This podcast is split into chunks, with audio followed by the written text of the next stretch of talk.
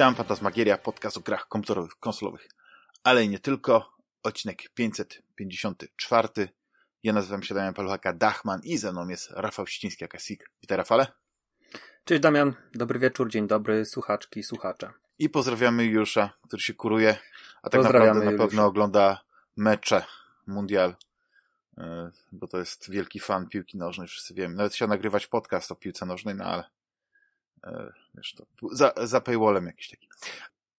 Dzisiaj będziemy robić suplement. Suplement do e, tych wspaniałych odcinków, o których opowiadaliśmy, o tych grach, które nas zakształtowały, szczególnie e, te młodsze lata, lata 90. i początek lat 2000. Niestety, Rafale, nie mogłeś wtedy być z nami, ale to jest niemożliwością, żebym po prostu nie, nie, nie porozmawiał z tobą o tym, co po prostu wpłynęło na ciebie, jakie gry e, ukształtowały twoją psychę, psychę, tam nie wiem, e, twój światopogląd, twoje podejście do życia, wiesz, no, twoją subkulturę młodzieżową. E, może chciałeś być jak właśnie e, te, te, te japońskie nastolatki, nie wiem, bo to, znaczy ja w ogóle, to tak zanim wspomnę, to przypomniałem sobie, że te lata 90. to też ukształtowały tak zwane fansuby i te wszystkie VHS-y z anime, które, które człowiek oglądał z jakimś takim jakąś taką, nie, nie że namiętnością, ale taką fascynacją, że filmy animowane, ale nie dla dzieci. Wiesz, te Armitage, czy, czy, czy nawet takie komedie jak Tenchi Muyo, e, Ranma e, jeden, e, jed, nie, Ranma 1,5, czy to było jak to pół? Jeden, nie oglądałem tego, ale wiem o czym mówisz. Tam chyba się tak.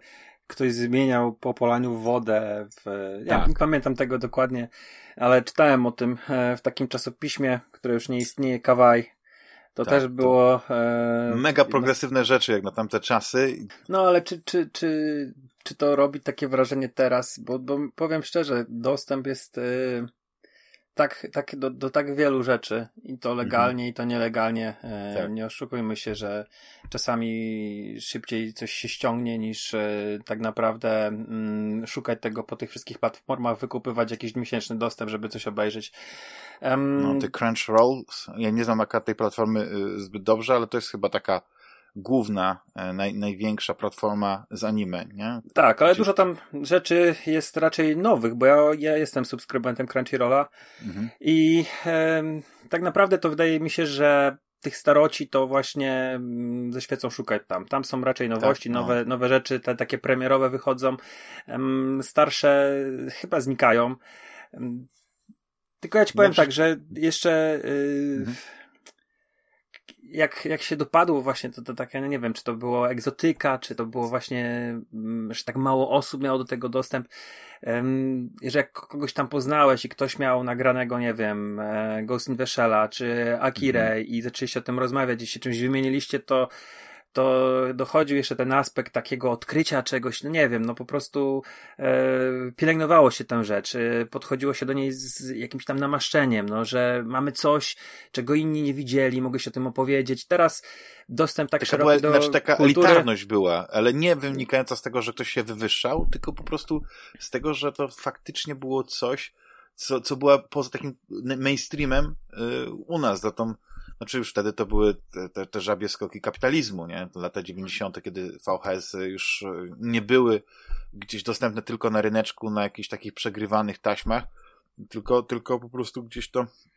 e, wiesz, znaczy nadal było ciężko dostępne, nadal, ale, ale to, to był ten początek tej, tej, tej fascynacji anime i właśnie tak mówisz, te, te, te magazyny, które powstały, te ostatnie strony chyba Secret Service, E, gdzie, gdzie wiesz, zaczynano skromnie od, od Czarodziejki z Księżyca, ale później z, z, nie wiem, z numeru na numer ten, ten kącik się rozwijał, to było coś fenomenalnego i później powstało e, wiele periodyków, tylko anime i mandze, no to było świetne. Tak, i zresztą tam, wiesz, sprzedaż wysyłkowa, ktoś, e, czyjś brat się okazuje, że kupił jakąś kasetę w, w Krakowie przez jakiś tam sklep wysyłkowy i ta kaseta przyszła i, e, i szło się oglądać do kogoś w ogóle, wiesz, nie wiadomo, co się szło oglądać, ale wiadomo, że to była jakaś animacja japońska, były takie sytuacje, mhm. mm, ale mówię, to... Z tego to... opowiadałeś o tym, że, e, że miałeś takie, że, znaczy nadal, chyba, z tego co zrozumiałem, zdarza ci się tak z przyjaciółmi oglądać, jak nie wiem, horrory. Umawiacie tak, mamy, się. Mamy, taki...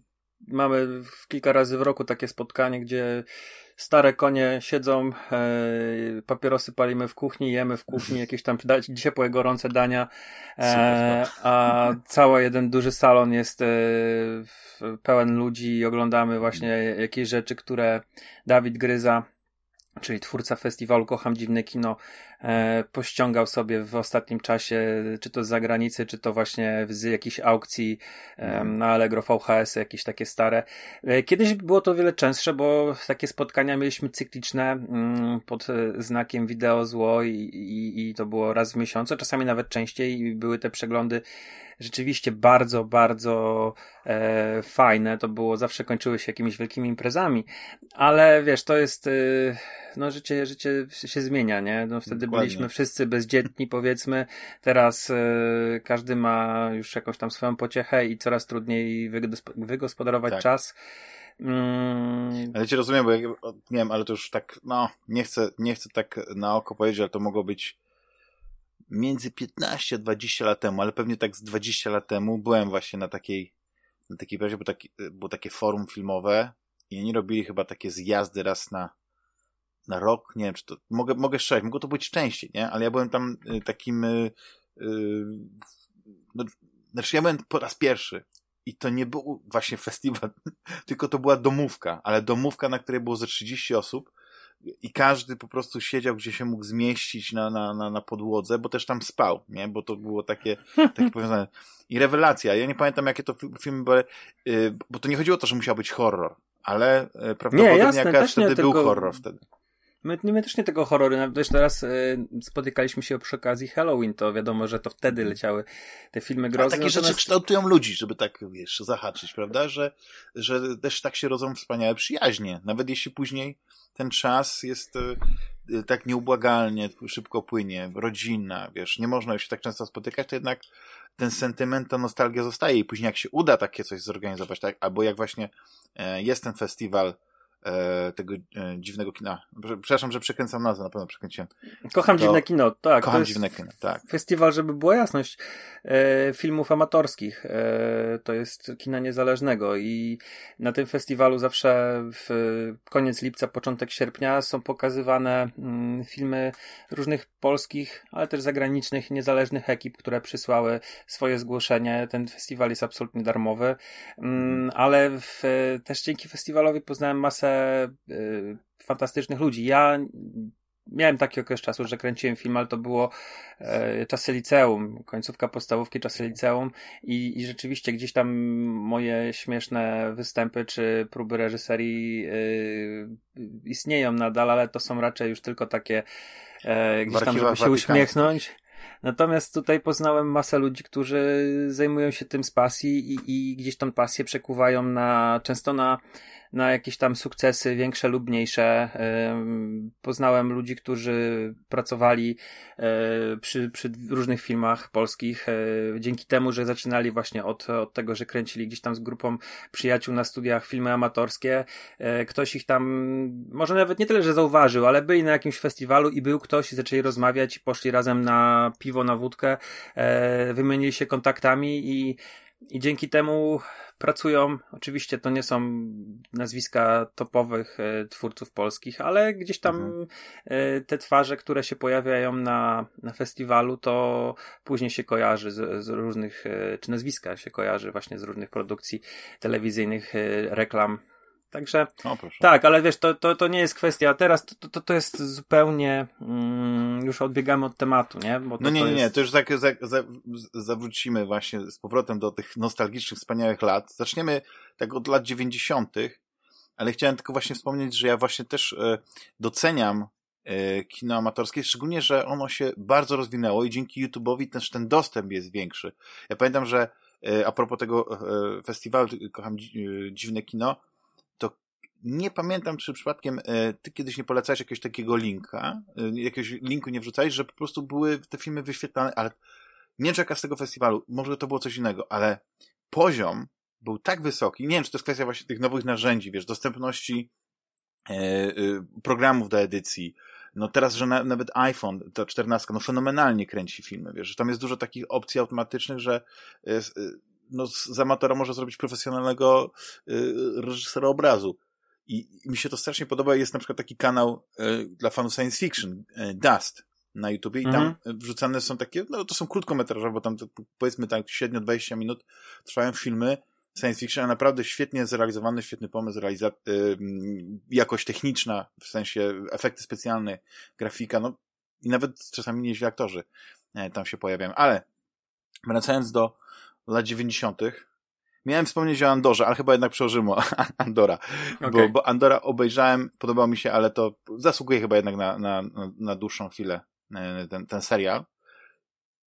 Rafale, kiedy, jaki jest taki najwcześniejszy, taka, nie wiem, e, takie twoje doświadczenie związane z grami wideo? Czy to w tych wozach drzymały, nie? czy w jakim, na jakimś arcade'zie, czy jakiś pierwszy komputer, pamiętasz, może jakąś pierwszą konsolę. I pamiętasz mniej więcej, kiedy to było, czy to były, nie wiem, końcówka lat 80., początek lat 90., jak, jak to u ciebie wyglądało? Ten twój początek z grami. Pierwszy raz w ogóle grę jakąkolwiek elektroniczną zobaczyłem e, w 88 roku, gdzieś w okolicach Gwiazdki. E, byłem u moich u mojej chrzestnej. I ona miała też dwoje dzieci. I oni dostali, um, o ile się nie mylę, od e, na, na gwiazdkę dostali Atari 5200. U, to już taka grubsza konsola. To był 80. Tak. 80 Atari. wydaje mi się um, 8. Mhm. I pamiętam te takie bardzo e, dziwne joysticki z kalkulatorami. ja wtedy miałem ponad, znaczy trochę ponad 3 lata, nie? Więc e, co najwyżej to tam właśnie River Ride i Pitch, Pitchfall, e, Pitfall, o, mogłem pograć, ale wiesz, mm, to raczej mnie nie zainteresowało na tyle, żebym siedział przed telewizorem, grał, po prostu gdzieś tam to pokazali um, mojej mamie. Pewnie, tak, A, tak, tak. I, i, i wiesz, e, tak naprawdę na tym się gdzieś tam chwila, chwila grania i na tym się skończyło. Natomiast moja mama mm, jest e, no, żeby nie chcę tutaj używać jakichś takich e, stwierdzeń dziwnych, ale jest, jest, jest e, zawsze była pasjonatką gier i, i złapała wtedy bakcyla. I u nas bardzo szybko się pojawiła konsola, bo jej kolega wyjechał na mm, kontrakt do Austrii z Filharmonii Łódzkiej. On był muzykiem, jest muzykiem i wrócił w, to były wakacje 89 i przywiózł mm, Atari 2600, które sobie kupił tam gdzieś w jakimś komisie, bo tak sobie właśnie przygotowując się do tego odcinka rozmawiałem z moją mamą, jak to było, jak to się, to nas, jak to się stało, że nas do domu właśnie trafiła mm, konsola, bo ja nie pamiętałem tego, ja wtedy miałem 3,5 roku, w 89 w listopadzie kończyłem 4 lata, więc yy, wiesz, Poza, poza mną się pewne jeszcze działy. Tym, y, po, po, zmianie ustrojowej, tak? To, to chyba były... Mm, może, no wiesz co... Mur, żelazna kurtyna, więc można było chyba sprowadzić taki sprzęt nowoczesny. Atari 2600 yy, to z takim drewnianym panelem um, tylko już były inne joysticki, nie były to oryginalne od Atari yy, i parę kartridży i z tego co ja pamiętam to Um, to był pożyczone. Um, moja mama to do, dostała, on wrócił do, do Austrii, u nas to zostało na jakiś czas Moja mama w, w, bardzo szybko złapała bakcyla i parę miesięcy później, bo na pewno przed gwiazdką już było u nas e, też Atari, ale już jakieś nowsze, ale to chyba był jakiś bootleg to też nie było 2600 z tym drewnianą obudową, to nie było e, oryginalne Atari, tylko 5200, tylko coś innego i podejrzewam, że były takie konsole sprzedawane w Polsce typu Rambo czy Turbo, nie wiem czy kojarzysz, mhm. tak, tak, e, tak. gdzie były już wbudowane gry z Atari, e, nie było możliwości włożenia kartridża. To się pojawiło u nas na pewno przed gwiazdką 8.9 i ja z tym mam dosyć dużo ciepłych wspomnień z tą konsolą, bo ona była przez lata, e, nawet jak już się później pojawił komputer, e, wcześniej Amiga, to ta konsolka gdzieś tam jeździła z nami zawsze na wakacje, nie? czy to do jakiegoś e, wynajętego domku, czy to po prostu e, na wieś do rodziny, e, żeby po prostu w jakieś tam deszczowe dni e, zapewnić rozrywkę i, i do tych gier się przez lata wracało i najlepiej wspominam e, z tamtych czasów parę gier. Pitfall na pewno, bo to, to gdzieś tam mam w głowie. River Ride to była ulubiona gra mojej mamy.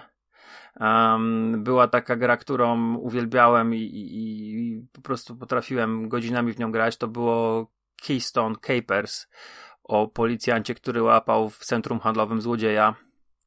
E, także e, tych gier było na tej konsolce kilkadziesiąt podejrzewam i, i w każdą się tam gdzieś zagrywaliśmy. Był Spider-Man, było jakieś gaszenie pożarów, e, był jakiś prymitywny chyba Superman, no, no masa tego była i, i wszystkie sprawiały radość. Mm, więc to był, to był e, e, te, ten początek, to jeszcze były lata 80. Później u mnie w domu na krótko pojawiło się Commodore 64. Właśnie ale... miałem cię zapytać, czy to jest taki byłeś typowym konsolowcem, bo zacząłeś od konsoli tak zupełnie inaczej jak większość osób, bo tak to było, że przynajmniej w, z tego środowiska, którego ja znałem, to wiesz, najpierw te spektrumy gdzieś tam w jakiś sposób udawało się zdobyć i jak ktoś miał więcej pieniędzy, to mógł to Commodore gdzieś kupić i tak dalej, więc od komputerów, ale tu mnie zaciekawiłeś, że po prostu od razu byłeś konsolowcem. Normalnie można no. powiedzieć, że wystałeś z mlekiem matki i być konsolowcem. No, e, to, to, prawda, wiesz, e, to Commodore 64 było bardzo krótko, bo e, moja mama już pracowała od lat 80., czy tam 90., od samego początku na komputerze i gdzieś tam miała okazję kupić rzeczywiście Commodore 64. E, już wiedziała, że to jest mikrokomputer, że to jest lepszy niż ta konsola, ale e, była zażenowana mm, tym wczytywaniem e, na karty, nie? Znaczy na karty, na kasety. No, to, to, to dla niej to było żenujące i pamiętam, że bardzo szybko z tego ten komputer zniknął z nas z domu. To znaczy podejrzewam, że to było tak, że moja mama go, nie wiem, czy kupiła już wtedy, czy, mm, czy, czy po prostu najpierw pożyczyła, zobaczyć jak to działa, natomiast e, jeżeli kupiła, to bardzo szybko się tego pozbyliśmy i i był taki moment rzeczywiście tylko z tym e, Atari byliśmy w domu, ale to też trzeba zaznaczyć, że u mnie nigdy mm, nigdy komputer i gry nie były na pierwszym planie, nie? To nie było tak, że to było jakieś tam centrum moich zainteresowań i też tutaj może ten tytuł tego podcastu być mylący, bo e, wydaje mi się, że ja wybierałem sobie gry e, do tego, co mnie aktualnie kształtowało, a nie odwrotnie. Nie to, że gry kształtowały moje zainteresowania, tylko ja sięgałem po tytuły na przestrzeni tych lat, które gdzieś tam wpisywały się w w to, co ja akurat lubiłem. I w 94 miałem. Oczywiście tak, były automaty gdzieś po drodze. Pojawił się u nas taki w mieście pierwszy pierwszy dom handlowy, może nie, ale taki powiedzmy hipermarket, nie? Robiony trochę na modłę tych niemieckich, e, gdzie ten, to już nie był sam, e, jakiś taki spożywczy, tylko to był sklep, który miał duży hangar był i, i, i, były najpierw takie mniejsze sklepiki, a dopiero później przychodzić do tej części spożywczej. Przy wejściu stały właśnie automaty zawsze. E, czy to był Street Fighter, czy to były mm, jakieś Capcomy, czy to był mm, Mortal Kombat. Ale to już teraz jest mi ciężko powiedzieć dokładnie. Podejrzewam, to był 93, 94 rok, ale to też nie było coś, co by mnie jakoś wielce ukształtowało, bo w 94 ja już dostałem na komunię Amigę.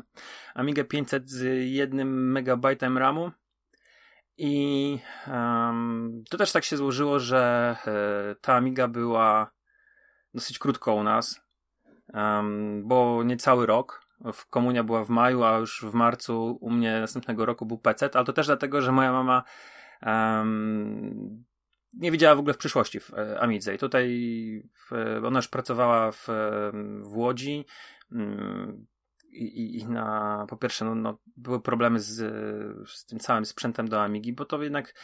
Mm... Czy ja cię rozumiem, bo wiesz co, bo to jest najlepsze, że jest teraz sentyment do, do tych starych komputerów, oczywiście do Amigi, bo to jednak była, to był taki najbardziej zaawansowany 16-bitowy komputer z przepięknymi grami, to grafika, wiesz, jak myślisz o nim, jak, jak te gry wyglądały, mhm. to oczywiście one wyglądają lepiej, ale ja pamiętam, i to kiedyś mówiłem o tym, że przyznaję to z bólem, że jak e, miałem Atari, to sprzedałem je, żeby kupić sobie Amigę. Później tą Amigę wymieniłem na CD32, co było takim, wiesz, średnim, e, powiedzmy, interesem. No bo trafiłeś taką już później... nierozwijającą się boczną odnogę, nie? Bo gdyby tak, trochę tak. się inaczej potoczyły losy... Ale nie miałem, wiesz, tego sentymentu do, do, do marki Amiga wtedy. Po prostu, mm, jak tylko Ciężko mogłem było, wiesz, e, kupić... nam, to teraz jesteś z konsolą ileś tam lat, nie? Jest, mhm. Pojawia się druga iteracja, później trzecia, czwarta, piąta teraz jak w przypadku PlayStation i, i masz tą konsolę lata, nie? Natomiast wtedy to tak się może nam wydawać, że to był długi okres czasu, natomiast u mnie Amiga była niecały rok i mhm. mm, jasne, ja miałem do niej duży, wtedy podejrzewam, że dużo grałem na niej, dlatego też, że moja mama pracowała w Łodzi i e, ja po szkole wracałem, była, przychodziła babcia, babcia tam się chwilę mną opiekowała, ja robiłem lekcje, babcia sobie szła, ja zostawałem w domu i do wieczora sobie pozwalałem grać. Um, I tych gier na Amigę było e, sporo. W ogóle to były takie czasy, że mm, szło się do jakiegoś obcego gościa na osiedle obce, pytało się mm -hmm. ludzi, którzy siedzieli na trzepaku, ej, sorry, gdzie, gdzie tutaj mieszka Przemek?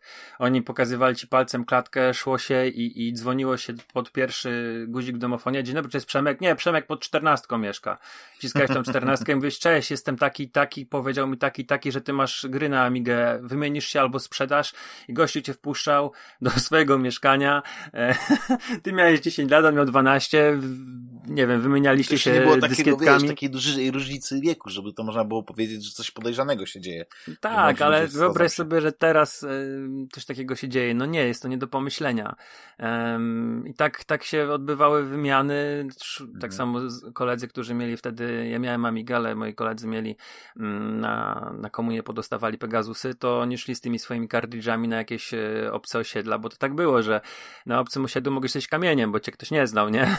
Dokładnie. że podchodzili nie wiem, czy, czy w twoich okolicach były wojny między parzystą e, e, stroną ulicy, a nie parzystą. U nas było troszeczkę inaczej, bo u nas były dwie podstawówki obok siebie. Jedna podstawówka moja to była może nie tyle, że parzyste, co ona odgradzała powiedzmy jeden okręg e, tam szkolny, a ta druga zabierała drugi okręg szkolny i my na te osiedla do tamtego okręgu szkolnego my w ogóle nie chodziliśmy, nie? Tam nikogo nie znaliśmy, to były, wiesz, obce tereny. E, co najwyżej z rodzicami gdzieś tam jak do sklepu się szło, to się wchodziło na to osiedle i, i się przechodziło przez nie, e, może nie z, z duszą na ramieniu, ale tak. niepewnym się szło, nawet mimo, że było z rodzicami. Teraz to się pozmieniało, ale kiedyś rzeczywiście były wojny, można było dostać kamulcem w łeb i, i za to, że się po prostu... E... spojrzało. tak, bo się weszło w ogóle, nie? że cię nie tak. znają. Ale wtedy się, żeby, żeby pograć w jakąś nową grę, się szło na takie osiedle i, i się pytało obcych ludzi i pytali się skąd ty jesteś i e, przy tym się wymienić grami, no i jakoś to tam przechodziło, nie? Um... No to jako taki młody chłopak, y, 10 tam 11-letni, powiedzmy, tam, to czy miałeś tak, że twoi znajomi, na przykład twoi koledzy z podwórka też mieli inne sprzęty? Mhm, bo tak, że się przyjdzie pograć na Amigę, ale ty chodziłeś, nie wiem, bo jeszcze wtedy nie miałeś powiedzmy PC-ta, więc mogłeś iść zobaczyć, jak te gry na PC wyglądają. PC-ta tak nikt nie miał. PC-ta nikt A, nie miał no z tak. moich znajomych. Natomiast ja e, pamiętam to, że miałem takiego bardzo dobrego kumpla, zresztą bardzo wiele lat się przyjaźniliśmy.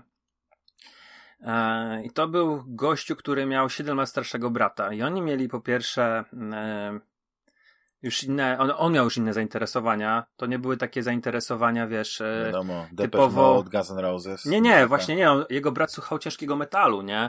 Um, on miał te pierwsze, wiesz, kasety tam Vader um, i, i, jakieś tam przegrywane um, Pantery i, i tym podobne rzeczy. więc, wiesz ja to wspominam tak, jak przychodziłem do niego, to, e, to jakbym wchodził w inny świat. U niego była ta planszówka Magia i Miecz i dla mnie to było, wiesz, w 93 czy tam w 94 roku my graliśmy sobie, e, pozwalaliśmy sobie pograć mm, na Komodorze jak, e, na Komodora, jak jego brat szedł na zbiórkę harcerską, to my sobie wtedy włączaliśmy graliśmy w jakieś tam gry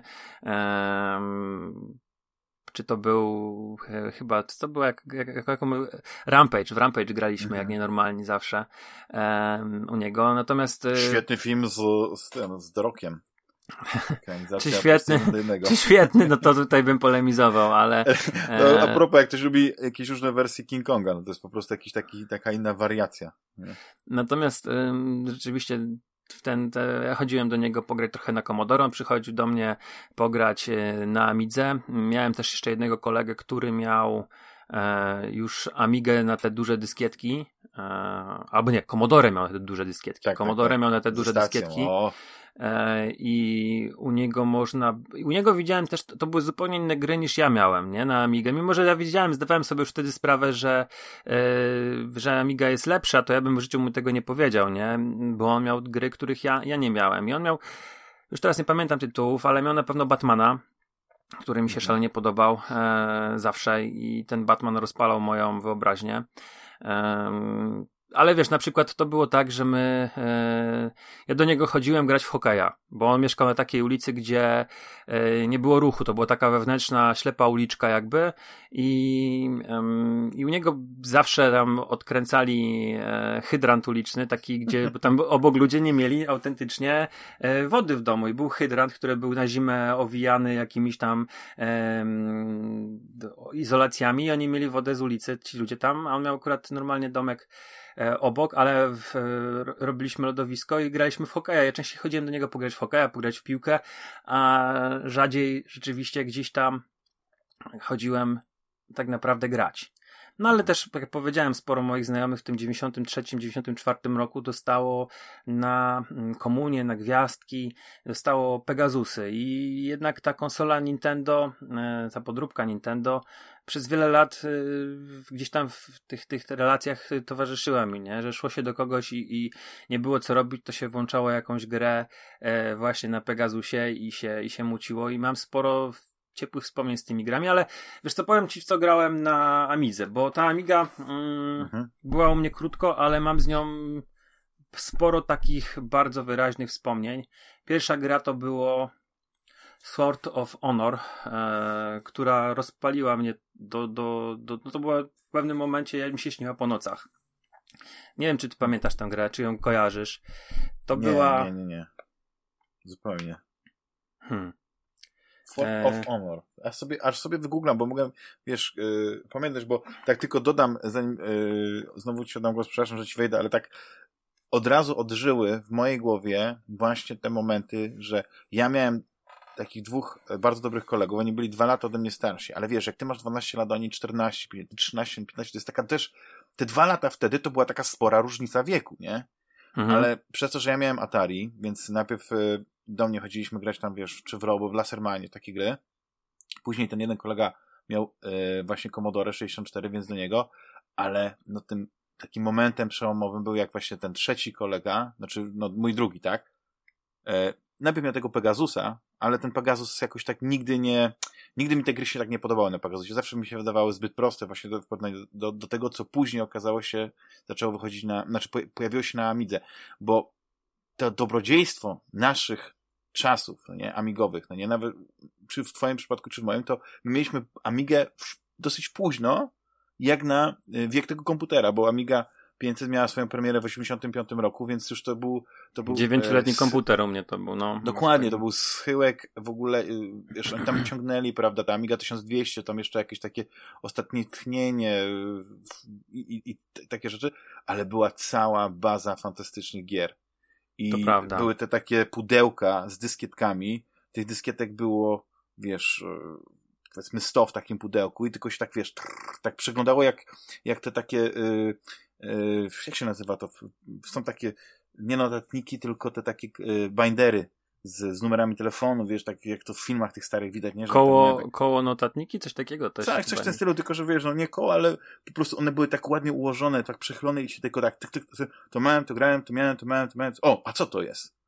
Trolls, jak, co to jest zagrane, nie?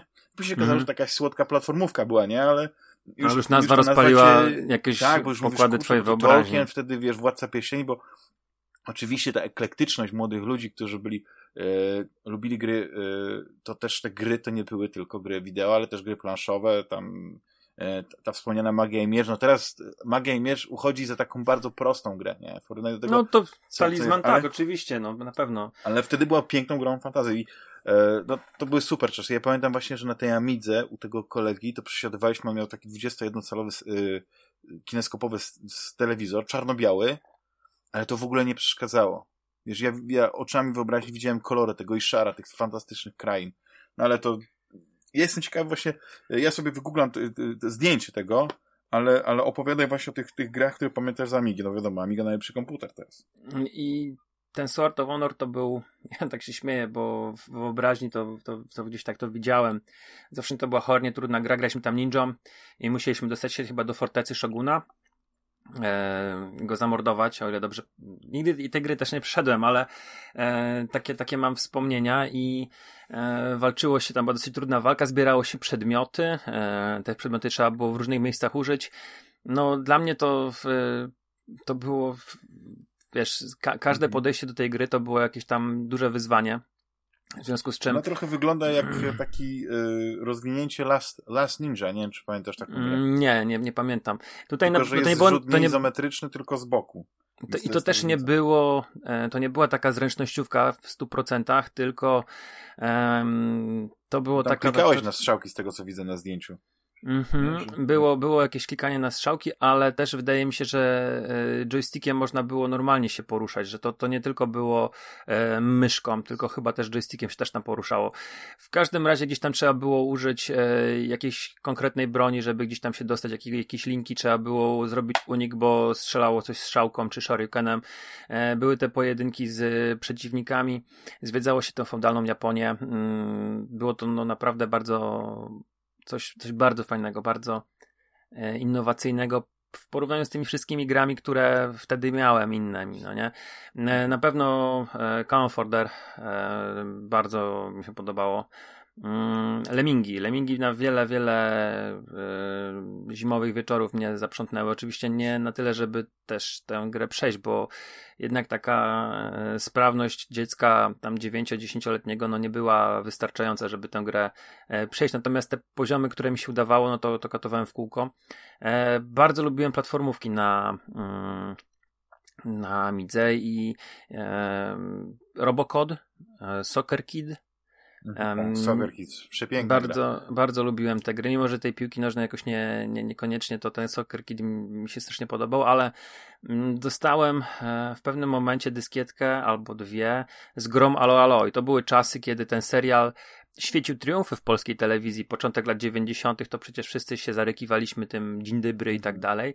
I to Alo Alo też e, akurat y, dla mnie było coś po prostu niesamowitego, że gram w ogóle w grę na podstawie serialu. Prawdopodobnie to nie było pierwsze, to nie była pierwsza może gra na licencji, w jaką grałem, ale y, to była chyba pierwsza gra, którą przeszedłem. Um, o, a widzisz, bo ja, ja, ja pamiętam jak przez, przez grę Alo Alo i ja pamiętam bardzo dużo gier na licencji, ale żadna mi się nigdy nie spodobała. Zawsze jakiś taki był problem, że jak... Znaczy wiadomo, że Batman był świetną grą platformową, więc to był taki wyjątek, ale czy Alo Alo, czy chyba Kevin Sam w domu, to, to były takie gry, które ja pamiętam, że znałem je doskonale z filmów i jak pojawiła się okazja, żebym mógł zobaczyć, jak to wygląda w grze, wcieli się w tego Kevina, to później było takie mega rozczarowanie. Nie wiem, ale tutaj Oczywiście... to, że po prostu przyszedłeś po prostu alo, alo, że to była Alo, alo i, i Kevina samego w domu też przeszedłem i w ogóle to też było takie gigantyczne rozczarowanie, bo oczywiście ktoś mi w szkole powiedział, że jak przejdzie się już do McAllisterów, to później się jest w Nowym Jorku. Co oczywiście było główną prawdą, ale e, wiesz, na, na to, jak ja w końcu przeszedłem tę grę, bo tam to nie była jakaś szalenie trudna. Rozstawiało się te pułapki, trzeba było uciekać e, odpowiednio przed tymi mm, złodziejami. No i powiedziałem mu, że przeszedłem tę grę i nie ma Nowego Jorku. To mi, wiesz, powiedział, że mam jakąś tam niepełną wersję, a to, i wiesz, z, z, taką perspektywą się odchodziło z jakiejś tam konfrontacji, bo nie było gdzie tego sprawdzić, nie było, wiesz, internetu, którego mogłeś wklepać i dowiedzieć się, ale... Em, ale, ale było bardzo, bardzo, bardzo lubiłem. To, to były takie fajne, karykaturalne małe ludziki, nie? Takie sprajciki. Tak. I, i, René e... był taki sympatyczny. Ja to pamiętam, gdzieś, gdzieś mi się obiło. Używało się te postaci, bo tam trzeba było zebrać chyba kiełbasy, e, w których była ukryta Madonna Obraz Madonny. Tak, i te pierwsze trzy, trzy levele, pierwszy to był knajpa i te, te okolice, e, drugi to był chyba pociąg, trzeci to był las, coś mi się tak wydaje, mhm. albo to czwarty był pociąg, nie pamiętam, no to tak na pamięć prawie znałem. Um, tam były te postaci właśnie z dziewczyny z ruchu oporu, które gdzieś tam tych Niemców odwracały, odwracały im uwagę. Tam się takie różne śmieszne rzeczy działy. Um, na pewno wielkim e, sentymentem na Amidze też e, darzyłem mm, Crazy Cars 3, taką ścigałkę. Tam był oczywiście Lotus, były jeszcze jakieś wyścigi, natomiast chyba Crazy Cars zrobiło na mnie wrażenie, bo tam były takie postaci komiksowe, z którymi się pojedynkowało ciągle. Miałeś mapę Stanów Zjednoczonych i była pula pieniędzy, którą można było za wyścigi wygrać i to był już schyłek tej Amigi u mnie, ja tę grę bardzo krótko grałem, a później ją miałem na PC i tam ją po prostu um, no, wykańczałem, nie? Już mhm. wymasterowałem ją tak. na PC-cie. Ale Lotus cię nie wciągnął? Lotus też mnie wciągnął, trylogia? oczywiście, ale wiesz, to był też okres czasu, kiedy królowały komiksy TM Semik i te postaci, które, które tam się pojedynkowaliśmy, były, były oznaczone takimi obrazkami właśnie, które nawiązywały do różnych postaci z filmów i gier i komiksów innych, nie? I tam ktoś, kto wyglądał na przykład jak Elvis, ktoś tam wyglądał jak wujek Fester z, z tego, z rodziny Adamsów, ktoś wyglądał jak e, sędzia Dredd i, i to mnie fascynowało. A ten Lotus e, miał oprócz tego, że te, te takie ściganie się i zakłady były, to tam był jeszcze sklep, gdzie sobie robiliśmy upgrade samochodu po każdym wyścigu trzeba było mieć jakąś pulę pieniędzy na zreperowanie, bo jak się zderzaliśmy, to ten samochód się psuł i zwalniał. Była policja, która próbowała nas zatrzymać. Były różne ukryte, punktowane rzeczy na, na tych mapach. Także on był naprawdę rozbudowany i, i, i robił wrażenie e, to Crazy Cars 3. Mm. Mhm. Ja strasznie lubiłem tę grę, bo e, no, jedna z tych postaci do wyboru wyglądała jak Mr. T na przykład, nie? Wiesz co mi się kojarzy, wiesz, jeszcze inna taka gra um, Micro Machines, nie wiem czy pamiętasz. Tam Ale też... to tylko z Pegasusa już bardziej kojarzę, Aha. wiesz? I tam też można było wybrać takie śmieszne e, postaci i tak dalej, tylko że no, nie wyglądały jak superbohaterowie, ale chyba właśnie też gdzieś jeden... Znaczy oni też nie wyglądają jak superbohaterowie. Ten, ten, ten mohawk taki, wiesz, słynny, mm -hmm. Mr. T był i też a propos taki, taki gier właśnie podobny do Lotusa, chyba Lamborghini, czy tak, albo tak się chyba nazywała też taka, e, taka Lotusopodobna gra, tylko taka... No to Lamborghini to było właśnie z Crazy Cars. Ono miało później wydanie drugie, e, nie wiem czy na PC to się przypadkiem właśnie, czy to na jakieś, to się nazywało Lamborghini. E, hmm. Musiałbyś Ciekawe, sobie bo... to wygooglać, bo ja teraz w tej chwili no nie, nie, nie mogę ci tego sprawdzić, ale Crazy Cars 3 miało drugi tytuł, właśnie Lamborghini coś tam, Am Ameryka, coś takiego i to było, to jest ta gra. Ona miała później no to... drugą, pod, drugim, pod drugą nazwą była wydana. Okej, okay, masz rację. Trzecia część właśnie chyba Crazy Cars wygląda, że właśnie się nazywało Lamborghini American Challenge. No, okay. dokładnie. Widzisz, to, ja w ogóle nie znałem tej, y, tej gry pod tą nazwą. Crazy Cars 3. Dla mnie to po prostu było, e, było Lamborghini. Patrz. No Człowiek się uczy codziennie czegoś nowego. E, I, I chyba największym.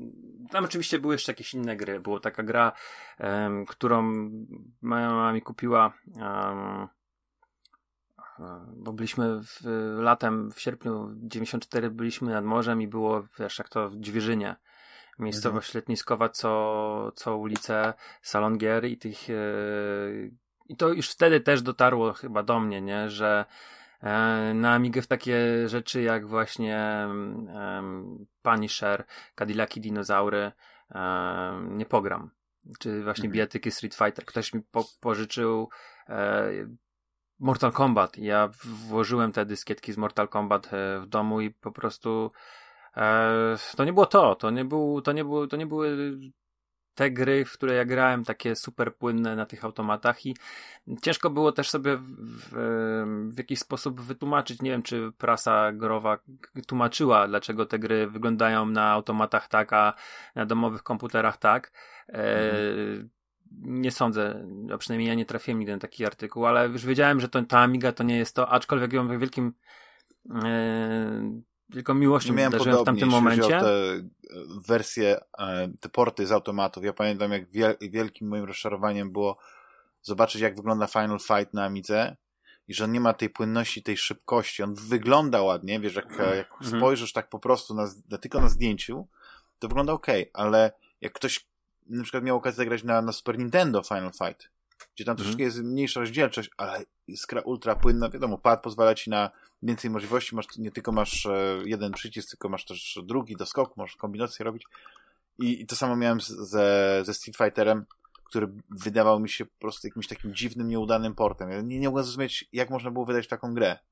Mhm. Ale tu ciekawostka, Mortal Kombat jedynka i dwójka na Amidze, mimo że gorzej wyglądały, no nie, powiedzmy w wersji PC-owej oczywiście i do automatowej, to jednak były dosyć dynamiczne. Tam e, dużo czasu spędziłem. W ogóle w, e, w drugą część to graliśmy na takiej zasadzie, że ja i mój e, dobry kolega z tamtych lat często po prostu wybrali, wybra, wybieraliśmy te same postacie, tak? Czy nie, że ja i on gramy tą samą postać, tylko że po prostu, żeby później po walce powtórzyć i nie wachlować później tymi, w nieskończoność tymi dyskietkami, to po prostu ciągle graliśmy tymi samymi postaciami. To były takie, wiesz, niekończące się pojedynki, no dochodziliśmy do, do, do, do perfekcji. Później jak to się, ta nasza jakby te, te, te, te, te, te współzawodnictwo przeniosło na, e, na pecety, tak? Jak wyszła właśnie trzecia część Mortal Kombat, no to tam to już, e, o, nie braliśmy język, tam to było też, i też było tak, że mimo, że już nie było tych technologicznych takich, wiesz, problemów, to i tak y, trochę w myśl tej zasady, że wybieramy swoją ulubioną postać, ja wtedy uwielbiałem Cyraxa, on Kabala i żeśmy w kółko grali. On miał takie combo, że potrafił, jak cię trafił, i odpowiednio, wiesz, wszystkie te ruchy mu wychodziły, to zabiera ci 60% życia.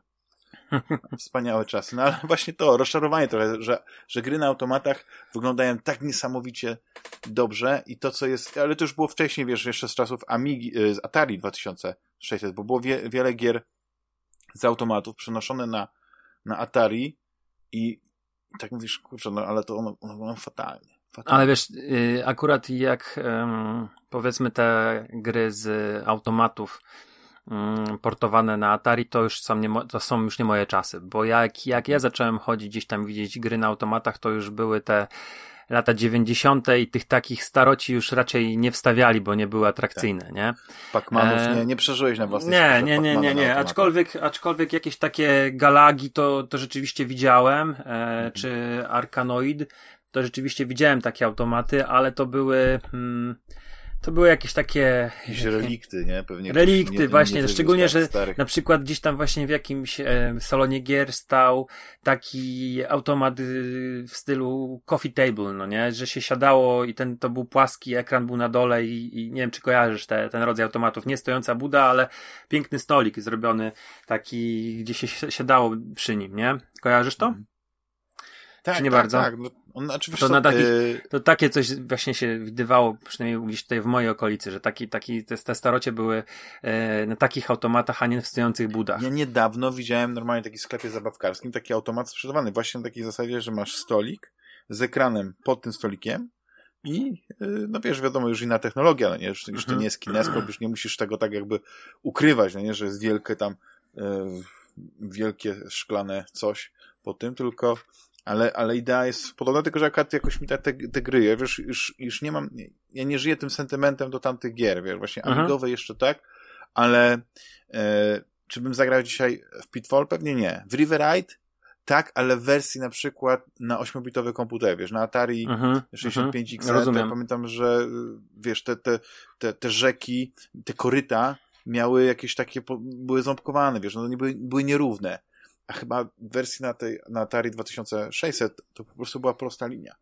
Hmm, no nie umiem ci odpowiedzieć, bo nie pamiętam też tak dobrze. Ja powiem szczerze, też nie, nie miałem czasu, żeby sobie puszczać longplaya na, na YouTubie.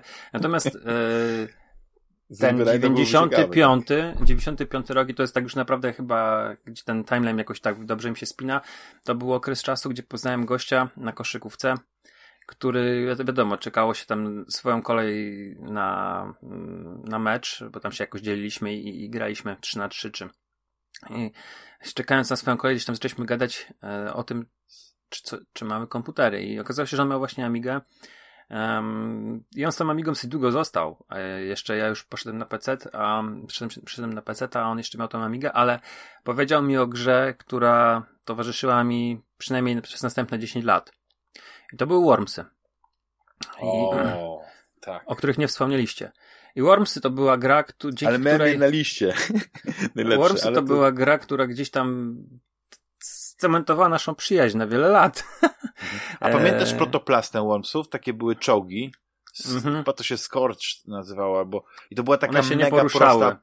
Mhm. Tak, i to można powiedzieć, że to była taka gra public domain, nie? że generalnie dwa czołgi niszcze, e, znaczy teren, który może zniszczyć, prawda, i tak dalej, ale tak mówisz, nie, nie poruszały się, ale było coś takiego niesamowitego. Była ta fizyka, było takie, wiesz, planowanie, ale wymierzanie Wydaje tego mi się, że to...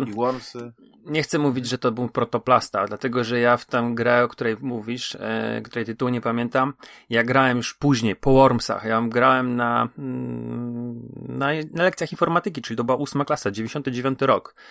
To pamiętam, że to było na tych komputerach poinstalowane i ewentualnie graliśmy na tym. Natomiast e, pokazał mi te Wormsy, przegrał mi tę grę i, e, i Wormsy gdzieś tam nawet jakaś, jakaś mała liga była, nie? Gdzie się spotykaliśmy i były, był zeszyt, ktoś miał ten zeszyt, zabierał ze sobą i przynosił do kogoś innego i były rozgrywane mecze i e, były te drużyny. E, natomiast w wiosną 1995 roku moja mama powiedziała, że sprzedajemy Amigę, na co ja pewnie zareagowałem płaczem, bo, bo nie za bardzo rozumiałem dlaczego, ale moja mama już e, rozumiała, że ten, ten komputer nie żyje, e, że on się nie rozwija i do domu trafiło w marcu albo w kwietniu 2000, 2095 roku 486DX. Mhm. Ale tylko wspomnę o anegdocie a propos Wormsów. Było kiedyś takie czasopismo, Amiga Computer Studio. Mhm. I był konkurs.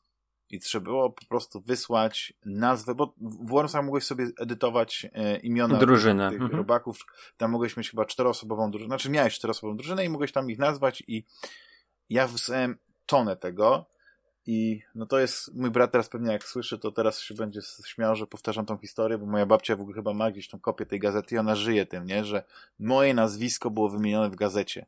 I wśród właśnie wymienionych takich e, osób, które, e, które tam najciekawsze propozycje wysłały, była też moja i wygrałem w ogóle jakąś grę na Amigę jakieś BMX-y, którą gdzieś pewnie do tej pory mam, nie? Taka, taka coś jak Micro Machines, tylko że z BMX-em i, mhm. i na, na jednym ekranie się, wiesz, cały tor mieścił, nie? Nie, nie było, nie było czegoś takiego, ale Wormsy pamiętam też fantastyczna gra i to w ogóle y, y, Wormsy to nie tylko Amiga, ale później też na PC i wiesz, te wszystkie wersje e, lepsze, chociaż nie podobały mi się już te takie trójwymiarowe, to już tak jak już one wyszły z, tej, z, tego, z tego płaskiego, już wyszły e, z, z 2D, to już, to już nie było to samo. A teraz sobie sprawdziłem Scorched Tanks, jak sobie ktoś wygoogla Scorched Tanks, to normalnie Wormsy tylko takie brzydkie z No ale Właśnie, PC. Który to był rok? 90? 95 to był 95 wiosna. E, oczywiście to 486 to już wiadomo, e, nie oszukujmy się, to był e, no już komputer też w jakiś tam sposób, który odchodził do e, do lamusa, bo mhm. przecież e, nie oszukujmy się, Pentium już, już 90, e, znaczy tak. tak mi się wydaje, że te e, procesory Pentium 90, 120 to już e, wchodziły w tamtym czasie, no bo, bo już, już były. Nie, tak. nie, nie będę. Mm, nie będę jakoś tam, wydaje mi się, Czy wiesz, kłamał, ja jeżeli mi się bo... wydaje, że Pentium 2 weszło w 97 roku, o ile, o ile się nie mylę. Więc to no. już w tym 95 na pewno były... Ja byłem posiadaczem tego Syrixa, czyli też taki ekwiwalent Pentium, tylko taki budżetowy, 56, ale to już były lat, lata chyba 97 rok. Więc nie wiem dokładnie, ale wydaje mi się, że nawet w 95 to 486 to nie było takie, tak, taka zła maszyna, bo mogłeś pewnie odpalić Duma na Tak, oczywiście, na to, to na, na detalach. Pewno. Ale też nie chcę, wiesz, no to już yy, to był kupiony komputer, który był no, przechodzony, tak? Ja podejrzewam, że to może, może nawet to był wykupiony z, z pracy mojej mamy, że wchodziły do to w to miejsce, gdzie moja mama pracowała, wchodziły Pentiumy i moja mama po prostu gdzieś tam może taniej odkupiła e, tego peceta. Mm, a może, no nie wiem, może, nie, nie wiem też jak, jak na jakich zasadach to było, e, że ten Pentium do nas trafił, ten Pentium, ten komputer do nas trafił, ale rzeczywiście to otworzyło w jakiś tam sposób e, oczy na, na inne gry i, i pewne gry przeszły z tej Amigi nadal na, na PC-ta, bo to były na pewno Wormsy, która była pierwsza gra, jaką podejrzewam. E, sprawdziłem, że czy, czy, czy, ktoś ma i, i pożyczyłem i przegrałem. Albo poszedłem do kogoś z dyskietką. Natomiast e, tak, tak naprawdę to, e, to był też okres, gdzie mm, moja mama e, zaczęła dużo więcej grać niż, e, niż ja, bo ten 95-96 rok to, to mnie były treningi koszykówki, było dwa razy w tygodniu, później była piłka ręczna, która była trzy razy w tygodniu i tego czasu tak naprawdę nagranie w tej podstawówce ja aż tak wydaje mi się dużo nie miałem tak, tak mi się kojarzy, że moja mama więcej grała wtedy niż ja i ja się tylko denerwowałem, Pamiętasz, tak, ona ciągle jest u mnie w pokoju. lubiała? Przecież to przygodówki, point and click, czy? Nie, nie, moja mama zawsze, moja mama zawsze zręcznościowo, moja mama zawsze zręcznościowo i to pamiętam tak, to było Guts od Bitman Brothers, które uwielbiała, to była jej ulubiona gra. Mhm. E, Prince of Persia, to, to, to była druga gra, którą uwielbiała i którą ba, e, przechodziła w kółko. E, Another World e, znała? Też, też, też, też Another World, ale w pewnym momencie bardzo dużo poświęciła takiej grze i teraz, żeby was nie skłamać, drodzy słuchacze, Risky Woods? Coś takiego było? Mhm. Risky Woods. Ja sobie w Google a ty, ty opowiadaj to była też tak chyba jakimś mnichem chodziło się i to była taka platformówka nawalanka. Um, A tak, na... no ładnie nawet wygląda taka. Um, Koleś wygląda jak Rambo. E, Sylvester Stallone normalnie. Gdzieś tam te, te gry właśnie mm, ją, ją tam przyciągały. Natomiast też trafiliśmy na, na coś, co też przez wiele lat nam towarzyszyło. To było Dyna Blaster, czyli europejskie wydanie Bombermana. A... I Dyna e, była grą, która e, no, po, po, połknęła nam najpierw na PC, później na na Dreamcastie, później na PlayStation godziny, godziny. No to, to po prostu jeszcze na PC to grała. Kapitalna party game. Pojedynczo. Taka prosta do zrozumienia o co chodzi i tak wciągająca. Właśnie Natomiast... w takiej grupie czteroosobowej to już w ogóle bajk.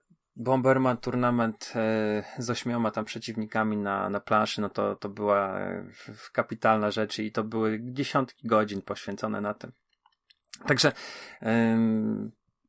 bardzo szybko po tym, po tym 486, myślę, że to była kwestia dwóch lat, pojawiło się Pentium, które mm, tak naprawdę to w, było też kupione chyba do tego, że moja mama potrzeba po prostu lepszego komputera do pracy, który już obsługiwał Windowsa, bo to 486 to było to Windows 3.11, o ile się nie mylę, i, i Norton Commander jako nakładka na DOS.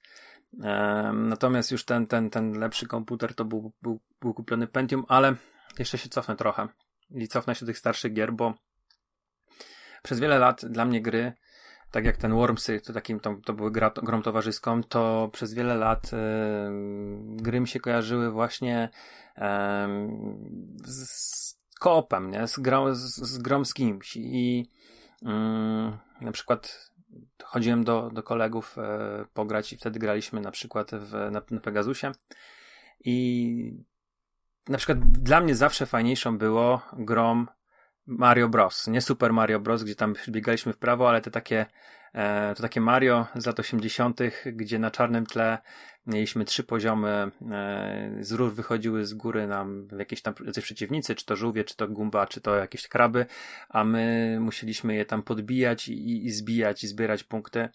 I to zawsze były też, e, no to, to były turnieje, tak? To więcej tych punktów zdobędzie. I, I, jakaś tam rywalizacja. I te zeszyty, w których zapisywaliśmy, e, które krążyły, bo to, to wiadomo, że u kogoś był zeszyt y, z ligą do Wormsów, ale te Wormsy były u, na, na, na u, u, kilku osób, więc ten, ten, biorę zeszyt, bo jutro będę u Piotrka i będę z nim grał w Wormsy. Dobra, ale masz mi go przynieść do szkoły. I to wiesz, e, ten, ten zeszyt tak, tak krążył, natomiast były u różnych osób były, były zeszyty, gdzie były zapisywane różne wyniki. E, pamiętam też, że wiele, wiele godzin tłukliśmy e, w kontrę. Później pojawiło się w latach 90., w połowie lat 90. już PlayStation u niektórych kolegów i um, i to PlayStation, no to wiadomo, był Tekken, e, najpierw dwójka, później trójka, Twisted Metal 2, Vigilant 8, to były takie e, samochodówki, gdzie się strzelało e, i, i, do siebie i, i mordowało się e, deathmatche, takie pierwsze.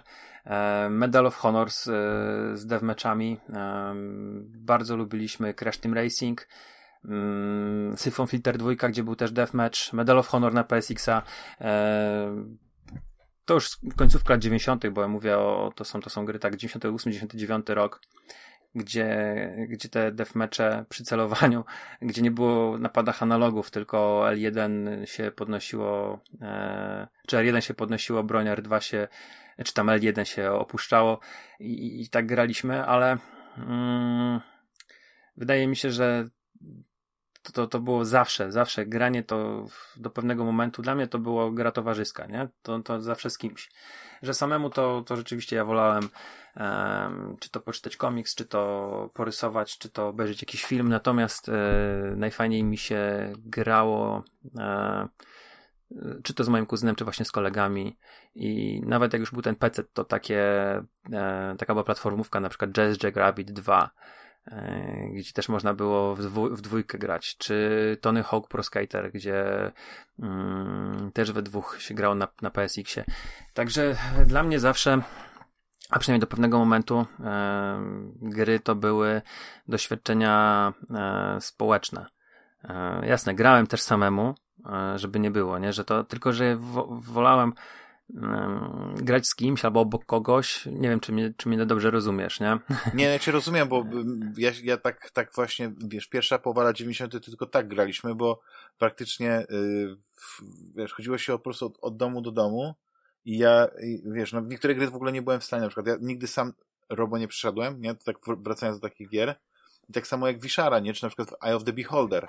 To mhm. też była gra, którą się, e, wiesz, niby taka przygodowa, fabularna i tak dalej, niezręcznościowa w tym sensie, ale jakoś tak razem się grało, razem się decydowało. Mhm. Czasami się grało z opisem, więc to nie było tak, e, wiesz, nie, nie, wszystko się odkrywało samemu, ale dużo też się rysowało te mapy i ja też pamiętam, że te wczesne, wczesne granie to były typowa takie, takie e, socjalizujące, jakby to się teraz ładnie powiedziało, wydarzenia, bo bo to był powód, żeby się spotkać, wiesz, rzucało się plecak, wychodziło się na dwór, jak się na, dwór, na dworze nie grało w piłkę albo nie, nie rzucało, wiesz, nie grało się w gry, że tak wyrażę, planszowe tamtych lat, czyli miałeś finkę i rzucałeś po prostu w nią w ziemię i rysowałeś te państwa Kolega. miasta. Tak, i się, i się odcinały, miało się proce, to się strzelało z procy, jak się nie miało tego, to, to, to były kapsle, wiesz, grało się, wiesz, no tak śmieję się, że to gry planszowe, ale wiesz, no, robiło się fantastyczne tory, robiło się wyścigi kolarskie, wiesz, to były te gry Jasne. analogowe ale w pewnym momencie, jak się odkryło te gry e, wideo, to ten czas spędzało się właśnie tak wspólnie na odkrywaniu tego świata. Oczywiście były gry, które, e, tak jak wspomniałeś, Dyna Blaster, no to była taka gra, którą można było godzinami. To na tej jednej planszy, no nie, bo to taka prosta przecież formuła, ale tak wspaniała. No tak samo jak gry sportowe, nie? Tam e, moją ulubioną zawsze e, piłką będzie Sensible Soccer, dlatego że tam jest idealnie połączona prostota ale jednak z takim zaawansowaniem, rozbudowaniem, wiesz, że to nie jest taka prosta gra, wiesz, to nie, tam trzeba mieć pewne umiejętności. Tam, mhm. y, y, i wiesz, nigdy na przykład nie grałem w, w tamtym okresie na przykład w Kickoff 2. I jak grałem po latach, to Kickoff jest dla mnie niegrywalny. Nie, nie potrafię się tam odnaleźć, nie? Tam piłka się w ogóle nie klei, a w Sensible też się nie kleiła, ale jakoś tak przy manewrowaniu, przy odpowiednim sterowaniu joystickiem zawsze coś tam mogłeś zrobić, zawsze coś, coś podkręcić. Jakieś piękne bramki, zrobić. No i oczywiście też, może nie, nie w zeszycie, ale no były jakieś tam e, systemy pucharowe, jak, gra, jak graliśmy na przykład, nie było 6, 7, 8 osób u kogoś w małym pokoiku, no to, no to się takie mistrzostwa odgrywało, więc oczywiście, że, że dla mnie to w tamtym okresie to były, to było takie czysto yy, towarzyskie yy, i bardzo to lubiłem, ale powiem Ci, że jak już miałem tego peceta i pojawiło się dużo takich gier RPG, dużo gier bardziej rozbudowanych, to więcej czasu jednak spędzałem e, grając samemu. Wiesz, to, to, to, mhm. były też czego okresy, że to się też się zmieniło. Tak, ale u mnie się to zmieniło tak naprawdę dopiero w liceum chyba. E, natomiast y, ten, ten Pentium 90 znowu to wprowadził, e, czy to był Pentium 120 chyba, albo to był najpierw Pentium 10, no później 120, e, wprowadził inne gry do mnie, do domu i w którym moja mama przez, przez no, lata się zagrywała i to był, zresztą ja też bardzo, bardzo lubiłem, tylko ja od drugiej części wsiąkłem, natomiast moja mama Tomb Raider, nie? To jest gra, myślę, że jej życia i i ona dziesiątki godzin na, tę na tę grę poświęciła. To też trzeba wziąć pod uwagę, że moja mama, e, jak kupowała Atari w tym 89 roku, to moja mama miała 20 parę lat. To, to, to nie ma co się dziwić. Może tak z perspektywy, e, bo teraz ile jest, ile jest e, kobiet, dziewczyn, które grają, mają swoje konsole i grają, czy to w związkach, czy to są, żyją samotnie i grają. I to jest normalnie. Aktorka. Mamon Gage, która gra w fantastycznej grze Immortality, ma swój kanał na Twitchu. Mhm. Więc, a nie podejrzewałbyś, nie? I wiesz, to, to moja mama może wtedy była jakimś ewenementem, natomiast, y, bo, bo to też się tak kojarzyło, że to zawsze jacyś ojcowie e, gdzieś coś grali, natomiast u mnie było odwrotnie, no bo, bo była moja mama tylko u mnie w domu, więc, e, więc dla mnie to było naturalne. I wiem, wiesz, to też były takie, takie z tych, tych czasów, początek tych, tych, tych komputerów Pentium. Czyli końcówka lat 90. to na pewno było u mnie Legend, Legacy of Kane Soul River. Ta gra mocno rozpaliła moją wyobraźnię i, i była przez długi okres czasu e, Raziel był moim ulubionym bohaterem. Ale gdzieś jeszcze po drodze było Diablo, e, które pożyczył mi kolega, ja je zobaczyłem i, i to była jesień chyba i, i zaraz na gwiazdkę już, już miałem Diablo i, i może to był taki, to była taka pierwsza gra, w którą bardzo chciałem, chciałem grać i grałem samemu, a później się okazało, że mój kuzyn e, zobaczył tę grę u mnie i on e, dostał ją trochę później na PlayStation. I na PlayStation można było grać, o ile dobrze kojarzę, koopa. E, na jednym ekranie? Na jednym ekranie.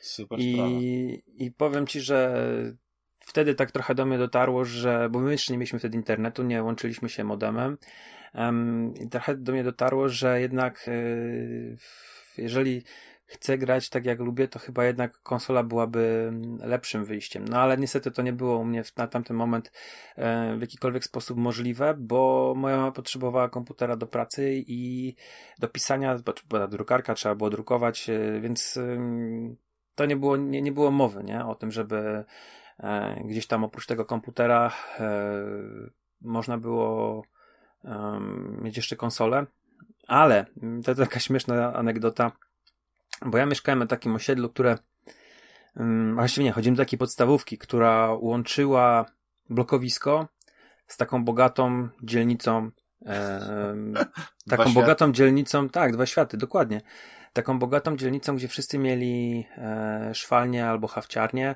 E, nie wiem, czy ty wiesz, ale czy słuchacze wiedzą, ale te, to, to zagłębie Tuszyn, Żgów, Pabianice to było Ksawerów, e, to było zagłębie szwalnicze wtedy, ta centralna Polska, tutaj się... Trochę w innej skali, tam okolice Częstochowy to były zagłębie szewskie. Było bardzo dużo takich e, małych, e, czy nie chcę powiedzieć zakładów, bo to jak, jak masz dwóch szewców, to to żaden zakład jest, nie? Ale produkowało się te buty i, i, i znałem mnóstwo osób, które, które się tym zajmowały. No tutaj wiesz, to, to wiemy coś zresztą, tylko w innej, w, innym, w innej branży. Te fortuny e, ptaka na przykład, nie? Czy to, no to, to powstały e, właśnie dzięki temu, że on miał te hale i, i ci wszyscy, którzy tutaj szyli, oni mieli boksy na tych halach i z całej Polski się zjeżdżali ludzie, czy to na, na Głuchów w nocy było, było targowisko, czy to Tuszyn, później te hale e, ptaka i, i wiesz, przede wszystkim wtedy jeszcze przyjeżdżali Rosjanie i wtedy właściwie co uszyłeś, to schodziło.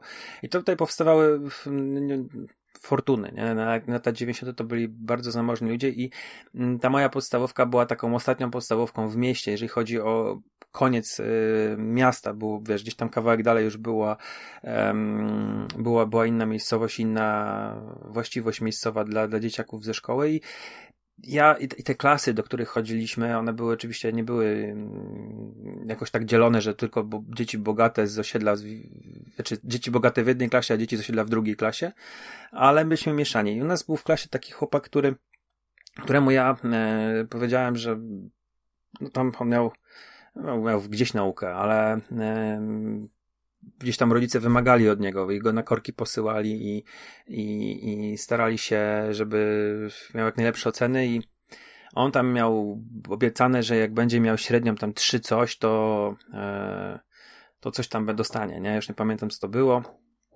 W każdym razie e, ja mu obiecałem, że okej, okay, to ja, ja zawsze dobrze, dobrze rysowałem, miałem zawsze łatwość rysowania i obiecałem mu, że dobra, no to będziesz miał na, na półrocze piątkę z plastyki. Ja mu rzeczywiście na tej plastykach to ja robiłem dwa rysunki naraz, nie? Czasami ten jego był, był lepszy, bo więcej się tam przyłożyłem niż, niż na tego swojego, ale nigdy mi tam specjalnie też rysowanie nie, przychodzi, nie przynosiło trudności, a on był rzeczywiście, yy, no nie miał, nie miał zdolności manualnych, on zresztą pamiętam, że strasznie brzydko nawet pisał i tam chodził na takie zajęcia dodatkowe, żeby ładnie pisać w tych, tych pierwszych yy, klasach. I wiesz co, ja dostałem od niego Game Boya, to była szósta klasa, yy, czyli to była, nie wiem, mm, Szósta klasa to ma się 12-13 lat? Nie, 97 rok to chyba był. Dostałem od niego Game Boya. E, tego pierwszego, nie? Mhm. Mówi, że super, dzięki, nie? No, umówiliśmy się, masz ode mnie Game Boya, nie? Ja, to, I to później były ferie zimowe tego Game Boya, przyniosłem do domu i sobie na nim grałem. No ale wiesz, moja mama widzi raz, drugi, dziesiąty raz i wiesz, to ferie, no to rozumiem, że pożyczyłem, ale później ten Game Boy cały czas jest u mnie, no i jej powiedziałem, jak to wyglądało. No i moja mama się nie zgodziła. Kazała ci oddać? Kazałem oczywiście oddać. No. E, więc ja mu mówię, nie, że słuchaj, taka jest sytuacja, nie chcę, żeby tam twoja, moja mama dzwoniła do twoich rodziców, e, ja ci oddaję tego Game Boya, no nie, pograłem, no fajnie, nie, no ale on się ujął honorem i i przyniósł mi dwie oryginalne gry. E, I teraz na pewno mhm. jednym to było GTA. Uuu, to konkretnie. E... Ale to pierwsza część, tak? Tak, e... tak, tak, tak. To pierwsze, to pierwsze GTA to było. Przyniósł mi oryginalne. To był 97 rok, wydaje mi się, no bo wtedy miał GTA jakoś premierę, nie? To, to był 97-98 rok, coś takiego. Przyniósł mi to GTA e, i przyniósł mi taką grę, jeszcze drugą, Ridge Racer. Dobrze mówię? To się jeździło motorami, tak. się nawalało? Nie, Ridge Racer to była taka arkadowa, e... e to jakaś ścigałka arkadowa, ale mm, bardzo nie. ładna z, z dynamiczną muzyką. To nie, to tutaj była taka, taka gra, gdzie się jeździło motocyklami mm. i miało się pałki, łańcuchy i się tych swoich oponentów zrzucało z tych. tych Road e, Rush? E, road tak? Rush, ro, może to był Road Rush. Mhm. E, mhm. Road Rush ja pamiętam, tylko właśnie nie pamiętam e, e, ile to był, było mhm. zaawansowanych wersji, no nie? Bo którą, którą ty mogłeś e, widzieć. Mm. Ale... Bo ja też nie jako taka w każdym razie to była, gra, w, w, każdym razie to była gra na pewno na CD, nie? Wydana, e, pamiętam, że to była, była oryginalna płyta w pudełku. E, i to niekoniecznie było Road Rush 1, nie? To mogło być Road Rush tam, nie wiem, 3, 2, nie wiem, coś takiego. Znaczy w ogóle Road Rush to miało swoich mnóstwo wersji, bo ta pierwsza z 91 roku to jest taka prosta, nie? Z grafiką powiedzmy jak z Lotusa, ale już powiedzmy ta wersja, która wyszła na PlayStation, na Sega Saturn i właśnie na komputer, nie miała numerka, była takim, wiesz, remake'iem, ale już wtedy wyglądała dużo lepiej. Mhm. No. Mm, no i mama widziała, że no, że gdzieś tam zarobiłem te pieniądze. No, oczywiście zarobiłem tego Game Boya, nie? Swoją pracą i moja mama mi kupiła Game Boya Color. Także A, ja nie byłem stratny, ja nie byłem stratny. Karma, karma, to była mm, karma. No. A ja wiesz, że kiedyś miałem Game Boya i miałem właśnie tego i, ku, i kupiłem jakoś za grosze. Wiesz, to, było, to były początki lat dwutysięcznych, yy, trzeci, czwarty, piąty rok, jakoś tak. Nie było wtedy czegoś takiego jak, jak fenomen retro, jak to nostalgia, więc za jakieś chyba 20 euro kupiłem i z tego starego Game Boya i kolor. I tak trochę pograłem, trochę ten, nie, jednak nie. Ten stary Game Boy to mówię... jedyne co mógł popsuć, to znaczy jedyne mógł co zrobić, to popsuć wzrok ten stary tak, Game Boy, tak. bo to była tragedia. Ale, ale miałeś te wszystkie gadżety później? Dokupiłeś sobie jakieś, nie wiem, powiększacz ja dostałem, ekranu, jakieś znaczy tak, do, od niego dostałem wtedy yy, jakiegoś ładowarkę taką, że się podłączało to do Game Boya. Tak, nie musiałeś baterii, tak. Nie musiało, czy baterie musiały być jakieś chyba, o ja się nie mylę, ale nie, musiało, nie musiały być naładowane, bo to chodziło na, na, tym, na tym kablu. Ale też parę gier dostałem od niego, ale to wiesz, to była lipa. To, to, to naprawdę to, te gry, które wtedy na tym Game Boyu były, to tak naprawdę oprócz e, Wario i oprócz e, Tetrisa, to cała, cała reszta to była no lipa, nie? Tam był jakiś, pamiętam, Królew, e, już nie pamiętam, Królew na pewno był, jeszcze coś tam było. I to była tragedia, nie? Tam chyba właśnie jakiś Mortal Kombat, czy coś w tym rodzaju, czy Street Fighter. Street Fighter był, o, tak, na, na Game Boya. Tak. I to też, to też była lipa, no i wiesz, yy, tak naprawdę ten Game Boy przez jakiś czas służył mi tylko i wyłącznie do grania e, w Wario i to był chyba Wario Land 2 i w Tetrisa, nie? Ale później mm, ten kolor, no to jak już wpadł, no to mm, to później coś się, coś się innego wydarzyło, ale to po kolei. E, więc e, gdzieś te gry, które e, te gry, właśnie ta końcówka podstawówki, pojawiały się te tytuły, w które ja już e, grałem samemu e, częściej, właśnie tak jak mówię, Diablo, który, który gdzieś tam był w długi okres czasu moją ulubioną grą. I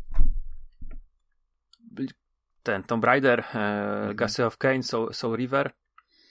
Mm, w tamtym momencie też e, tak naprawdę ja długi okres czasu nie byłem jakimś wielkim fanem e, gier FPP, jak pewnie słyszycie, drodzy słuchacze, bo nigdy um, ten Wolfenstein nie, nie, nie 3D... widziałeś tego fenomenu? Nie, nie, nie mówisz, kurze, jak to jest możliwe? Nie. Co ten y, Karmak wymyślił tutaj z tym Dumem, z tym Quake'iem? Ja, ja, w te gry grałem, ale y, u kogoś na przykład przez chwilę i nigdy nie miałem takiego momentu, żeby wiesz, żeby w to się zaangażować. I pamiętam było takie, że był taki, taki moment, że ja pamiętam, że, że, że chyba byłem chory i siedziałem w domu i włączyłem właśnie Duma jedynkę ja przepadłem tak dosyć późno, nie? Że już, już był Quake 2, załóżmy, nie? A ja tego Duma zacząłem grać i, i przepadłem. Um, I wtedy pamiętam, że też już na tamtym etapie, co się rzadko zdarza, ja gdzieś tam znalazłem na dyskietce i był ten e, Wolfenstein i w tego Wolfensteina grałem. E, no i później się okazało, że oprócz tego, że jest e, coś takiego jak e, Doom, to jest ten Quake. Tylko, że już był Quake 2. Więc ja tak w tego Quake'a 1 niewiele grałem, natomiast Quake 2 e, bardzo szybko gdzieś tam stał się moją ulubioną grą. Mówimy o to roku 99 pewnie. Mhm. Ale też grałeś single e, player? Znaczy najpierw single, czy... najpierw single, później, później zaczęliśmy chodzić, bo moi koledzy, którzy tej gry też nie znali, mm, bo też w FPS jakoś specjalnie nie graliśmy, e, to właśnie Tony Hawk Pro Skater to było e, to była nasza, nie wiem, na tamten moment jakaś taka ulubiona gra. Crash Team Racing. No byliśmy też, trzeba spojrzeć na to, że my byliśmy trochę dzieciakami wtedy, no bo my mieliśmy wtedy po 14, po 13, po 15 lat. Te nasze roczniki się, się razem trzymaliśmy. E, taką najpoważniejszą grą, no to był ten Medal of Honor, ten, ta gra wojenna, ale to też było też tak, że który, któregoś e, z nas ojciec był fanem II wojny światowej i kupił sobie ten Medal of Honor i się okazało, że tam można grać we dwóch, nie? To było na takiej zasadzie bardziej. I, i taką najpoważniejszą grą no to był ten, ten Medal of Honor i Syphon Filter. I oni zobaczyli u mnie tego Quake'a. Zaczęliśmy też chodzić do kafejki internetowej, a później mój kuzyn, pamiętam, kupił właśnie Quake'a 2 na, play, na PSX-a, na PlayStation. Pierwsze. Eee, I multitapa. I przychodziliśmy do niego grać I to było na takim małym, wiesz, 14 tam calowym monitorze, czy tam nawet nie monitorze, tylko telewizorze. Był podłączony multitap, był split screen na czterech i graliśmy, e, potrafiliśmy na takiej planszy z wiatrakiem, e, ustawić, wiesz, deathmatch na godzinę i, wiesz, wyniki oscylowały w granicach 300 fragów. I tutaj też e, trzeba się też od tego odnieść, że e, graliśmy na padach bez analogów, czyli R1 givera w górę, L1 givera w dół. Celowanie no wstało na maksa, ale i tak było świetnie. To, to pamiętam w związku z tym Quake'iem, że ta kiepska grafika, bo no wiadomo, PlayStation, tak, ale już jak się podzieliło to na, na ten split screen, na te cztery e, ekrany, to była aż tak kiepska grafika, że powodowała tak szybkie zmęczenie wzroku, że po kilkudziesięciu minutach to tam już oczy były jak króliki, no stop leciały łzy, ale to nie miało wtedy znaczenia. My, ja podejrzewam, że ja sobie zepsułem wzrok właśnie nie tyle e, jakimś tam, nie wiem, czytaniem w zoom mhm. świetle, czy coś, bo raczej tego nie uprawiałem, tylko ja właśnie w tym gapienie się na tą gównianą grafikę takich, od tak. tych kineskopów, nie?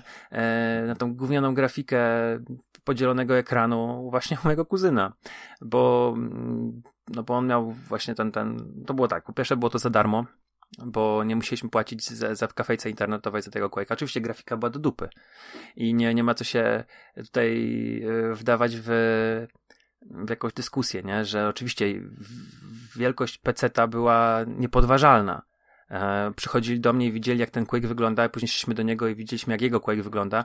I to było, wiesz, e, nie była ziemia. Ale u niego mogliśmy sobie we czterech dobrze się bawić za darmo, nie? A na, na PC-cie no jednak musiałeś mieć połączony drugi tak. komputer. Tak. Nie, to były też takie czasy, że właśnie albo masz konsolę, albo masz PC. Jak ktoś miał konsolę, to już tego PC nie miał. Nie, nie było czegoś też takiego, byliśmy dzieciakami i, i słuchałem tego, że właśnie zabierałeś PC do kogoś i robiliście sobie tak. LAN party. LAN party, tak. E, albo y, na uczelniach były te, takie kółka komputerowe, albo wiesz, pracownie komputerowe, to tam były poinstalowane Quake'i. My żeśmy z godzinami spędzili właśnie tylko, żeśmy dowiadywali się, kiedy już tam nikt nie korzysta z tych, tych pracowni wiesz, komputerowych i pierwsze, pierwsze, pierwsze LAN party zrobiliśmy z moim kolegą tutaj z wieżowca obok, mieszkał. Eee, I zrobiliśmy w wakacje po ósmej klasie. Zostaliśmy, obaj rodzice nasi szli do pracy na ósmą i on jednego dnia, przy, ja, ja biegłem do niego, ja niosłem budę, a on niósł monitor i się o tej 8.15 łączyliśmy te komputery i graliśmy, ale jego tata miał auto i wracał gdzieś tak koło 15, wykończył pracę, czy tam wiesz, i, i był w tej wpół do czwartej, wiesz, o 15 był zegarek ustawiony, pikał, pikał, rozłączaliśmy wszystko i ja zanosiłem budę, on zanosił monitor i bo, bo byliśmy dzieciakami. Mimo, że nasi rodzice się w jakiś tam sposób znali, to nie pozwalali na coś takiego, bo zdawali sobie sprawę, że to będzie przeszkadzać, że to nie jest spoko dla, e, no byśmy byli gówniarzami też nie można było tego komputera tak swobodnie sobie wynieść z domu, nie? Bo to się wtedy, e, to były dzikie lata 90. można dostać było przed swoim blokiem w czapę i ten komputer już ci znikał na zawsze. E, więc e, więc ten pierwszy, no to mówię, miałem 15 lat, nawet niecałe, jak, jak takie lamparty sobie robiliśmy. Natomiast Quake 2 całkowicie mnie pochłonął i to też był czas, gdzie kolejne gry, e, 99 to jest Half-Life i Half-Life e, ja jakoś bardzo, bardzo dużo w niego w tamtym momencie nie grałem. Ja wrócę do Half-Life'a, ale to przy okazji e, znowu e, PS2. Więc e, Half-Life jakoś tak wiele, nie? Ten, ten Quake mm, 2 mhm. e, to było coś, co zajmowało mhm. tak naprawdę A to, to... FPS-ów, PlayStation, i właściwie też można powiedzieć, że to też na PC tak wyszło. Grałeś w e, Alien Trilogy? Tak, tak, tak, tak, ale to jeszcze trochę później. To mhm. e, trylogia Aliena, ale tą taką mm, z lat 2000 chyba, 2000 rok produkcja była. Aha, nie, to ta 96 jest taka jeszcze bitmapowa, jeszcze nie była tak zaawansowana jak, jak Quake, ale jednocześnie no, wyglądała Wiem, lepiej, ty mówisz, dużo więcej pomyliłem, niż... pomyliłem Alien vs Predator, ty mówisz Alien Trilogy. Tak. E, w co tylko u kogoś na PlayStation widziałem, nie? E, tę grę i jakoś tam szalenie dużo w nią nie grałem. Um, lata e, mojego liceum to w, w ósmej klasie miałem poważny wypadek i który w jakiś tam sposób całkowicie przekreślił moją e, ewentualną karierę sportową. E, ręka była połamana, nigdy tej sprawności nie odzyskałem, więc ten czas się tak naprawdę mi zwiększył. No, nie chodziłem już na piłkę ręczną, nie chodziłem już na koszykówkę. E, w zasadzie trochę się przygotowywałem do egzaminów wstępnych do liceum, ale i też trochę kręciliśmy te filmy z moim kuzynem, ale tak naprawdę wtedy ta ósma klasa to było najwięcej czasu na granie. I 99 rok to też jest. Yy, I to będę też fajną anegdotę a propos tej gry. Yy, po, pojawia się taki tytuł jak Heroes of Might and Magic 3. Który. Kultowa pecetowa gra.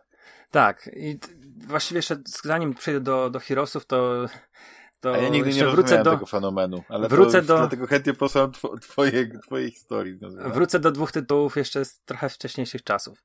A propos tego kręcenia filmu, coś wam opowiem. Um, bo wspominaliście StarCrafta i rzeczywiście ten StarCraft też w pewnym momencie dowiedziałem się o tym StarCraftie, że taka super gra i zaczęliśmy w nią grać. Mój kuzyn miał PlayStation, on do mnie przychodził, graliśmy w tego StarCrafta i on, e, i on był super. I rzeczywiście przeszedłem te, te wszystkie trzy kampanie, a później się okazało i coś, co, co zajęło nam kurde, no, no zdecydowanie więcej czasu niż y, sama, sama granie. Czy, bo ja tak naprawdę po sieci bardzo niewiele grałem. Dopiero później w liceum, jak się połączyliśmy taką sieć y, lokalną blokami, nie? No to, to rzeczywiście tam jakieś mecze grałem sobie w różne, różne gry, ale między innymi chyba tego StarCrafta, ale w StarCrafcie było coś takiego jak własny, y, Mm, własne narzędzia do budowy własnych poziomów. Nie wiem, czy kiedykolwiek do tego zajrzałeś. No, wiesz co, szczerze mówiąc, to, to pewnie tak, ale, ale nie pamiętam. E, wiesz, my robiliśmy, my robiliśmy tam swoją kampanię i my robiliśmy ją na zasadzie, wiesz, e, scenariusza filmowego, nie, że tam um, zapomniałem, jak to się nazywał, Reynolds? Mhm. E, nie pamiętam. Jim Raynor. To... Raynor, Raynor, tak. E, on był głównym bohaterem. Kerrigan, e, jego wielka miłość, która później była królową zergów, tak. Tak. My sobie tam wymyśliliśmy, że on będzie naszym bohaterem i my robiliśmy na zasadzie właśnie jeżeli ktoś, ktoś z nas robił w naszej tam grupce znajomych, ktoś nas, nas, nas, z nas robił level cały, i tam ustawiał te triggery, że jak wejdzie postać tutaj, to się pojawią zergowie albo coś tam się wydarzy, nie? Normalnie e, i, my, i my graliśmy tak, że przynosił na dyskietce to, my się daliśmy we czterech i, i, i wspólnie przeżywaliśmy tę krótką przygodę, którą dla nas przygotował. I to też nas zaangażowało strasznie w tamtym momencie, bardziej niż e, Wormsy, które wtedy poszły w odstawkę, bo to była cały czas taka, taka core, taka ekipa, gdzie my się spotykaliśmy najpierw e, przy tych Wormsach na Amidze, później na PC-cie, później były Wormsy 2 i później Wormsy Armageddon. I tak naprawdę najbardziej imprezową grą e, moją, taką, z którą się kojarzy, gdzie w rozumieniu impreza to jest e, liceum i picie jakiegoś piwka pod biurkiem, czy taniego wina rozlewanego do szklanek i bawienie się e, w gorące krzesło przy komputerze, to właśnie był Worms Armageddon. Przez lata grał, grało nas tam, ten trzon był taki kilkuosobowy, ale to było, było kilkanaście osób, które się prze, prze, przez te lata prze, prześlizgnęły w to, to towarzystwo. Ehm, I to, ta, ta gra była fantastyczna, dlatego że Mimo, nieważne jak byłeś dobry, to nigdy nie było się pewny tej wygranej. Jasne, mogłeś mieć wycel, wszystko mogłeś mieć tam opanowane, ale e, wiedziałeś, że ludzie, którzy, z którymi grasz, oni też już są weteranami w to. E, I te generowanie map z masą masakryczną ilości tych opcji do zdefiniowania, e, że ta każda partia była nie, nie tylko właśnie dobrą zabawą, ale też była taka nieprzewidywalna, że zmuszająca, mm, każda rozrywka była zmuszająca do, do tego, e, że trzeba było bardzo dużo, dużo myśleć, ale ta twoja kolejka nam nadchodziła za jakiś czas, nie? Więc musiałeś po pierwsze śledzić cały czas, co tam się dzieje, co twoi kumple y, na żywo kolejno robią i pozbywają się tych twoich ewentualnych y, wykreowanych bohaterów. E, my zawsze sobie takie robiliśmy warianty, że na przykład bardzo mocno ograniczaliśmy ilość broni i amunicji, e, ale rekompensowaliśmy sobie to ilością zrzutów, nie? I e, to, to też zmuszało do jakiegoś tam strategicznego myślenia. No i było tak, jak wspominałeś, ty, tych y, drużyn to bardzo dużo w pewnym momencie powstawało, bo każdy miał jakąś tam zajawkę, a to ktoś przeczytał jakiś tam komiks i od razu nazywał e, tą swoją, tą ósemkę tymi bohaterami, tam było, byli X-Meni, byli e, wrestlerzy, byli, no, no była masa tych, tych takich e, drużyn, które każdy miał swoją No i tam mówię, tam mini liga długo, długo, długo jeszcze funkcjonowała już, już bez zapisywania e, tych wyników, ale były takie sytuacje, że na przykład już było późne liceum, trzecia, trzecia klasa, już byliśmy prawie dorosłe, dorosłe chłopy i spotykaliśmy się, nie wiem, po prostu przypadkowo gdzieś tam pod sklepem i co robisz wieczorem? Wpadniesz na Wormsy i, i wy stary mówisz, jasne, nie? Nieważne, że tam miałeś się dziewczynę czy coś, że pisałeś SMS-a, nie przyjdę, wiesz co, mam dużo nauki, szło się do kumpla i się grało w Wormsy jeszcze, wiesz, będąc, no, może w taką grę już zupełnie nieprzystającą do... Mm, do tego, do naszego wieku, nie? Bo to, to, ale to była, to był tytuł, który nas bardzo długo tam w jakiś sposób sprzężył. I ja też, jak powiedziałeś, nigdy nie wszedłem w robale w 3D. Próbowaliśmy rzeczywiście się przerzucić, ale to już nie było to i zostaliśmy ten Worms Armageddon to tak naprawdę do 2004 roku, do momentu, kiedy się nie porozchodziliśmy na studia, to rzeczywiście były katowane. Mm, to były bardzo fajne czasy. E, ale wracam do Herosów. Z Herosami tak naprawdę wiąże się jeszcze jedna anegdota. E, u mnie też, to już końcówka liceum 2003-2004 rok. Miałem taką już stałą dziewczynę. E, dosyć poważny, poważna wydawało się znajomość, związek, że razem na wakacje wyjeżdżaliśmy. Mm. I ja byłem w takiej sytuacji, że gdzieś tam ona nigdy nie była jakoś specjalnie w moim, ani w moim towarzystwie, ani w moim klimacie. To tak było, że właśnie gdzieś tam była taką totalnie normalną, normikową odskocznią, że wiesz, y, ja tam do niej szedłem i ona y, potrafiła E, godzinę gadać przez telefon ze swoją przyjaciółką, a ja tam siedziałem, się nudziłem, czytałem książkę albo jakieś krzyżówki rozwiązywałem. To nie był, to nie był jakiś wybitnie dobrze dobrany związek, ale ale gdzieś tam się e, tak naprawdę o tym nie myśli, jak się ma te 17 lat. I poznałem na imprezie mm, dziewczynę, e, z którą nie, nie, nie było zdrady per se, nie, nie, nie doszło do niczego, ale była... Był, była zdrada intelektualna, przyznać. Była, była rozmowa e, na temat właśnie różnych rzeczy i ona mówi, że tak naprawdę to dla niej się, dla niej wieczór dobrze spędzony to wystarczy, że ona sobie jakiegoś tam grzańca zrobi i może całą noc przegrać w Heroesy. Ja mówię, w co? Ona mówi, no w Heroesy. Znasz tę grę? Ja mówię, no no znam, nie? Bo ja tak naprawdę jeszcze w dwójkę tam pogrywałem, ale w tą trójkę, no to w tym 90 chyba 9 roku zacząłem tak grać dosyć mocno, hardkorowo e, i to też był taki moment, że tam też były gorące krzesła i, mm, i w pewnym momencie też my w liceum zaczęliśmy grać w RPG papierowe. Więc więc ten, ten, te, te Heroesy to było też tak, jak nie mogliśmy pograć sobie, to wpadali do mnie kumple, przynosili jakieś piwko, czy to jakieś tam właśnie winko e, na leweczkę i sobie siedzieliśmy i, i graliśmy e, przeciwko sobie.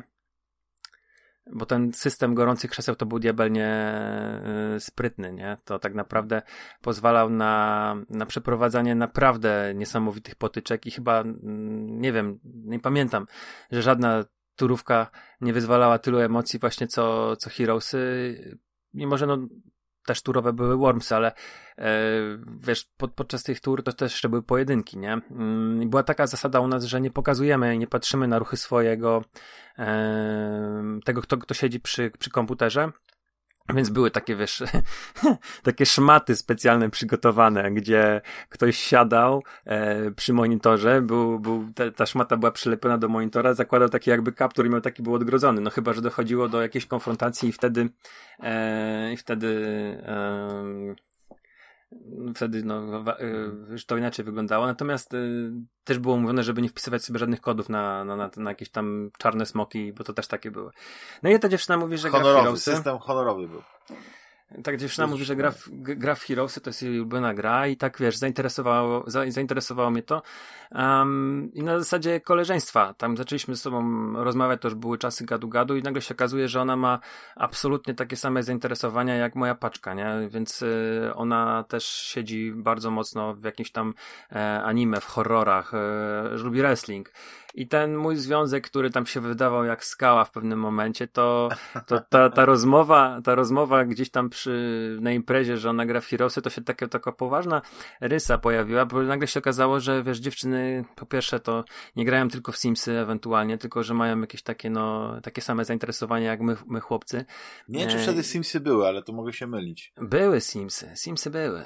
Simsy były tak. od, od początku 2000 lat. Ja pamiętam, że to jest gra, która ma chyba w twój początek właśnie e, w XX jeszcze wieku, ale nie, nie będę tutaj stawiał swojej mhm. głowy. Natomiast na pewno były. Wydaje mi się, że znaczy, wiesz, no jak, jak, jak te pierwsze. To się kojarzę, te SimCity i tak dalej, ale właśnie te Simsy takie, co te właśnie e, bawiłeś się w domek mhm. ludzikami, to wydawało mi się, że później, bo ja to kojarzę właśnie jako jako coś, co nagle się pojawiło i stało się fenomenem z jakiegoś powodu, nie? Znaczy z jakiegoś powodu. Po prostu e, ludzie, bo wcześniej, zanim powstały Simsy, to nie wiem, czy pamiętasz, kiedyś była taka gra Creatures.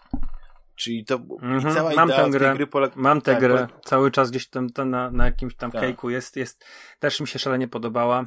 E, bo pamiętam taką duży artykuł w świecie gier komputerowych i mi się tam oczy zaświeciły. Hodowało się zwierzątko. Tak. To nie była tak, że one dobra gra. jakoś tak żyły, wiesz, to jakbyś miał chomika w kratce, coś tam się, wiesz, to, to, ja nawet chyba w tą grę nie grałem, ale ja czytałem o niej chyba właśnie w Secret Service i ona tak ładnie wyglądała i to były te czasy, że na przykład miałeś e, na Windowsie e, wirtualną, nie wirtualną, przepraszam, animowaną tapetę, że rybki wiesz, że akwarium mhm. i po prostu Wygaszacz tak ekranu ja tak naturalnie.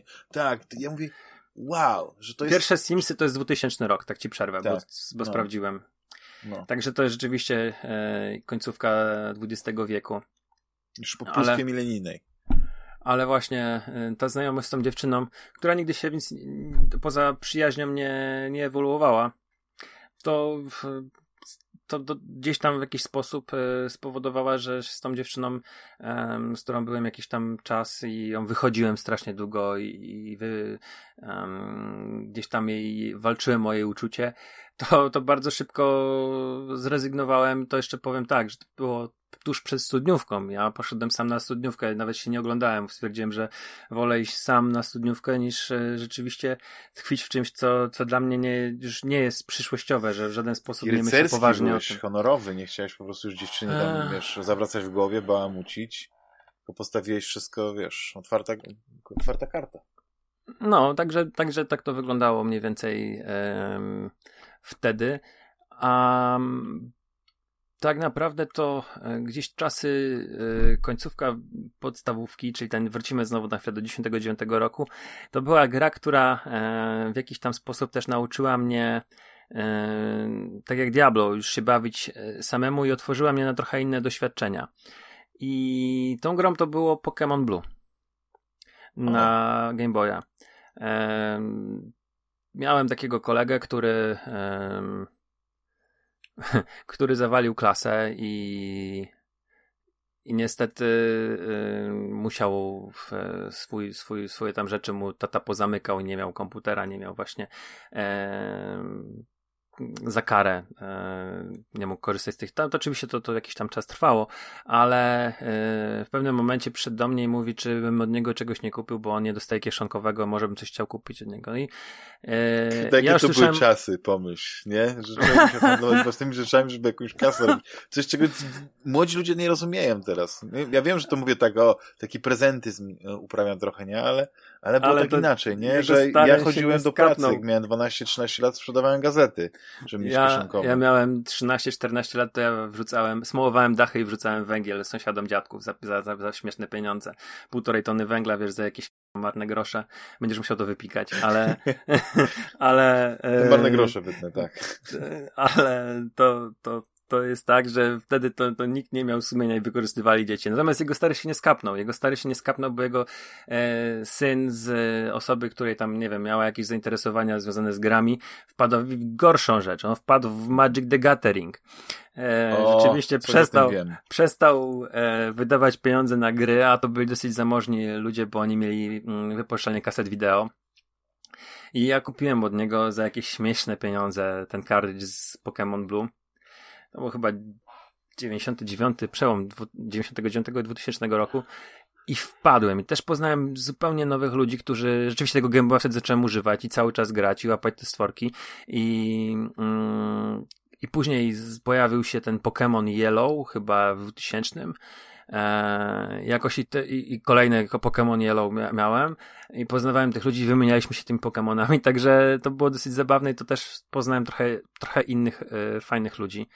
Um, i to otworzyło mi, e, jeżeli miałbym powiedzieć, jakaś gra mnie ukształtowała, to był właśnie ten, ten, ten moment, gdzie poznałem gry JRPG, czyli Pokémony i bardzo szybko e, wtedy też trafiły do mnie takie tytuły jak e, Suikoden 1.2, Final Fantasy VII, Final Fantasy IX, Final Fantasy Tactics, który jest y, moją ulubioną grą, jeżeli chodzi w ogóle o. Miałbym wymienić jedną grę ulubioną, to mówię Final Fantasy Tactics na PlayStation. Legend of Mana, e, Chrono Cross. Um, to są rzeczy, które gdzieś tam do mnie zaczęły, że tam Harvest Moon, to zabawa w e, robienie gospodarstwa. Mm, to są, to są RPG, które gdzieś tam zaczęły do mnie trafiać i, i zacząłem w to naprawdę dużo grać. Początkowo na emulatorze, mm, bo nie miałem wtedy PlayStation. Był, później był, pojawił się Dreamcast na trochę. Mhm. Gdzieś tam już nie pamiętam w jaki sposób. Próbowałem sobie to przypomnieć.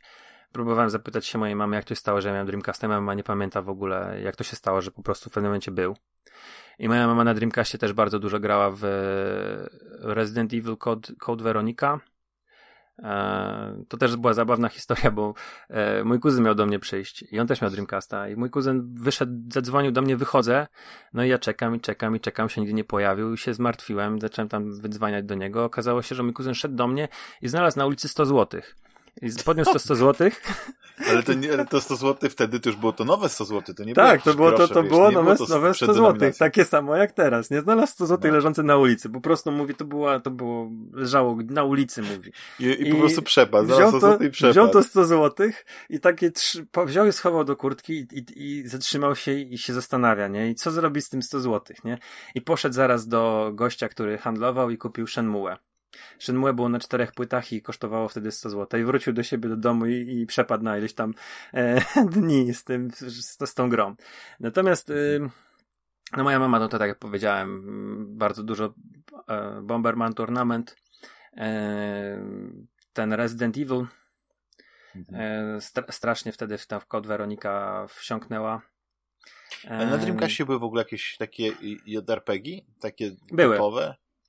Były, ale y, był taki JRP, który wymagał od. Y, bardzo ciekawy był. Nie pamiętam jak się Sky Pirates nazywał, coś takiego.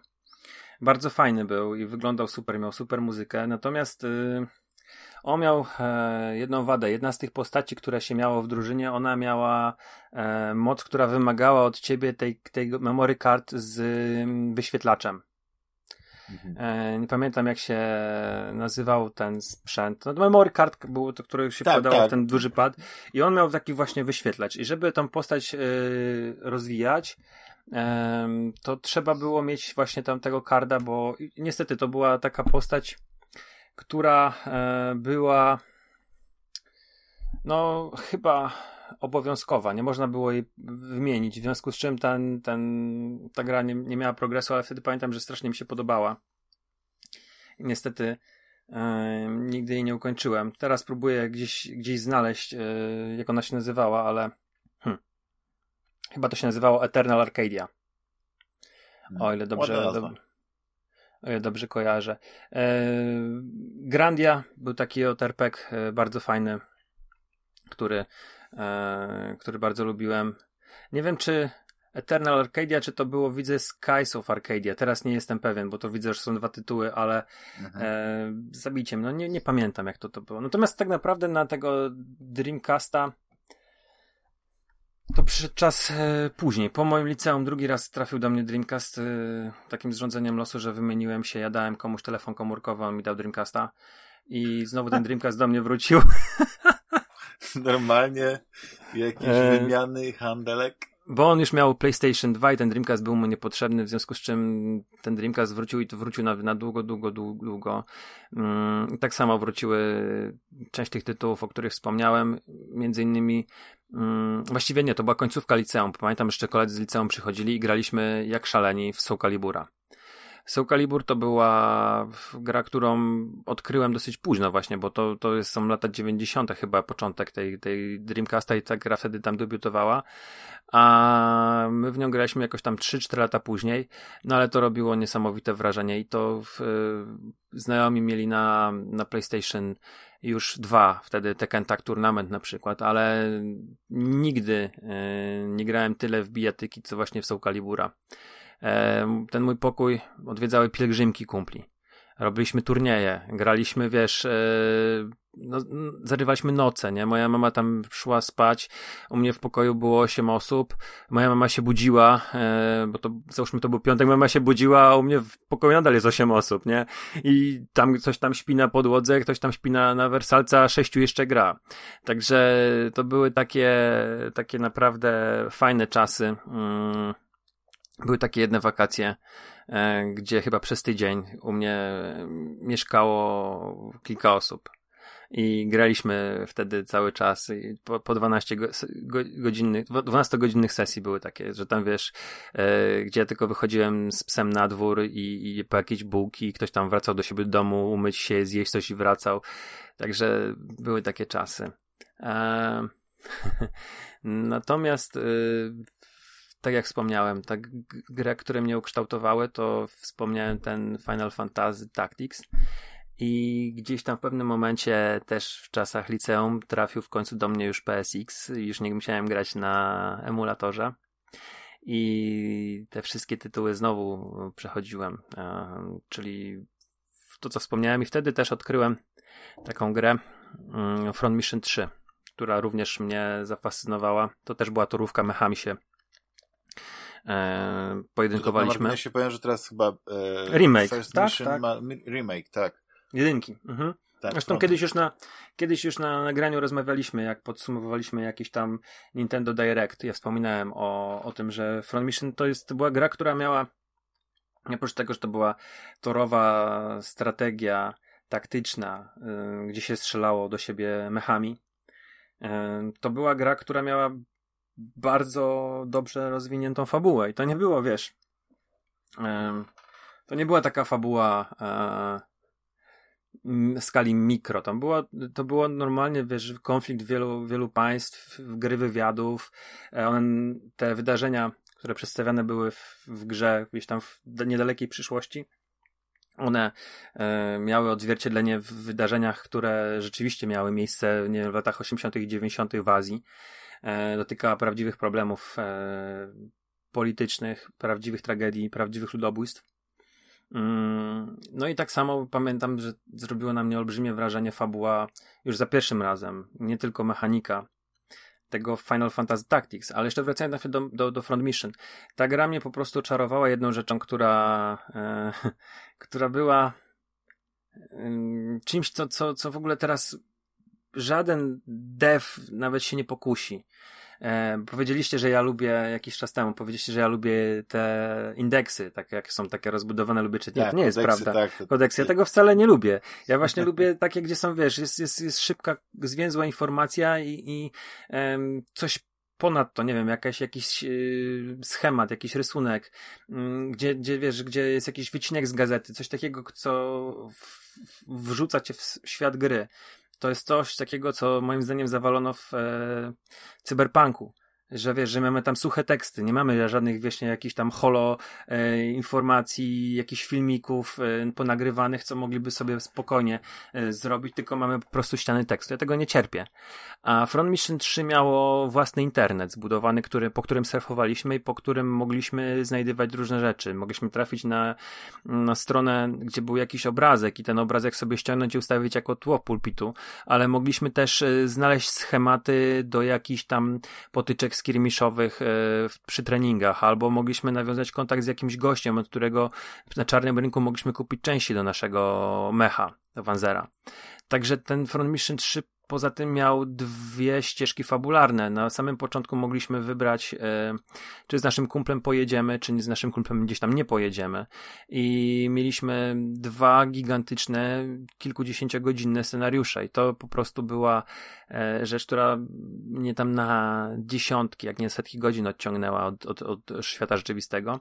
A znowu e, Final Fantasy Tactics to jest gra, do której ja wracałem no, kilka, kilka razy na pewno i to tak, żeby zrobić w 100% za każdym razem. Zresztą nadal e, mam ją cały czas na PS Vicie i, i jak mnie tam najdzie, to sobie dwa, trzy, e, dwie, trzy walki, czy tam rozdziały popchnę do przodu fabułę.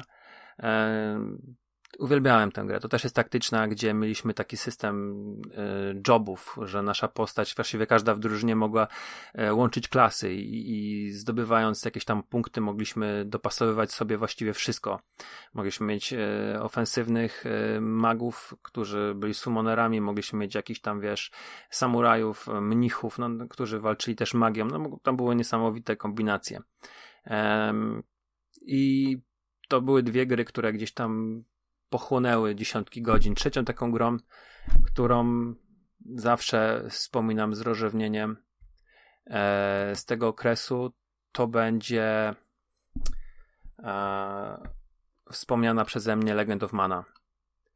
I to jest gra z tego takiego worka e, Seiken Densetsu, e, gdzie mamy tych, tych, tych kolejnych części ileś tam i ona była zupełnie unikatowa, była rysowana, e, wyglądała trochę jak animacja, mm, taka kreskówkowa, którą mogliśmy być tam obejrzeć sobie. E, co mnie tam urzekło, to ta absolutna swoboda w kreacji świata, bo to gracz ustalał wygląd krainy, ustawiał sobie na mapie lokacje i wybierał sąsiedztwo dla miejsca, które by sąsiadowały z tą lokacją, którą ustawia. To na zasadzie takiej historii było, jakby ktoś książkę czytał. I dzięki temu, że niektóre mm, lokacje z sobą sąsiadowały, to, to jakieś tam questy szły do przodu i inne się blokowały. Tych questów było chyba to było tak na zasadzie takich opowieści, wiesz, to tak e, jak baśń byś poznawał. Um, ty byłeś tak jakby uczestnikiem każdej historii, która się tam rozgrywała. Były były takie główne wątki. E, była jakaś tam przedstawiciele wymarłej rasy, e, którzy nosili w sobie kryształy. Gdzieś tam było smocze rodzeństwo, które służyło innym mistrzom i był jakiś trójkąt miłosny. E, który, którego mi, tam był związany z końcem świata, gdzieś tam w tle była ta, ta historia Armagedonu jakiegoś nadchodzącego, czy może zakończenia tej historii całej. I, mm, i to, jak ta narracja się budowała, bo, bo brało się udział właśnie w jakimś kwestie, ale brało się udział właśnie tak jakby ktoś ci tą historię opowiadał, ty w niej uczestniczysz, ale tak naprawdę nie jesteś motorem napędowym żadnego tego głównego wątku. Jasne, jesteś, bo tam kogoś uwolniłeś, ale te wydarzenia były tobie serwowane, jakbyś był obserwatorem. To było niesamowite doświadczenie narracyjne i to dostało remake chyba w zeszłym roku albo dwa lata temu. Ja wam serdecznie tę grę polecam. Naprawdę, yy, po pierwsze jest tam są, są setki rzeczy do robienia, bo mogliśmy tam hodować sobie potworki, które znajdujemy na mapach i możemy hodować warzywa e, i tymi warzywami karmić te potworki, które się tam statystyki e, lepsze robią. Możemy te potworki zabierać ze sobą na walki, możemy budować broni, możemy e, budować instrumenty muzyczne, nabijać je mocą, możemy budować golemy i tym golemom możemy budować takie to też było niesamowite. To były czasy przed internetem i trzeba było rozpracować, na jakiej zasadzie działa e, budowanie takiej mm, schematu logicznego golema. No naprawdę tam się, tam się działy niesamowite rzeczy. Mam wrażenie, że tak bogatych, e, mięsistych e, mechanicznie już gier się nie robi, nie? Że to jest te nawet gry, które, te JRPG, które wychodzą teraz obecnie, no to są e, aktywność poboczna łowienie ryb, nie? Mhm. które bardzo lubię, ale nie tak, ma... no bo para idzie w grafikę, bo, a wtedy y, no były te systemy, były to takie rzeczy, w które można było się zagłębić, te rzeczy, które, które mogły być umowne, bo nikt nie oczekiwał, że wszystko musi tak super wyglądać, wiesz, graficznie. No, mhm. ja, ja, na przykład, ty grałeś to, w ten, ten remake Final Fantasy VII? Tak, tak, przeszedłem go.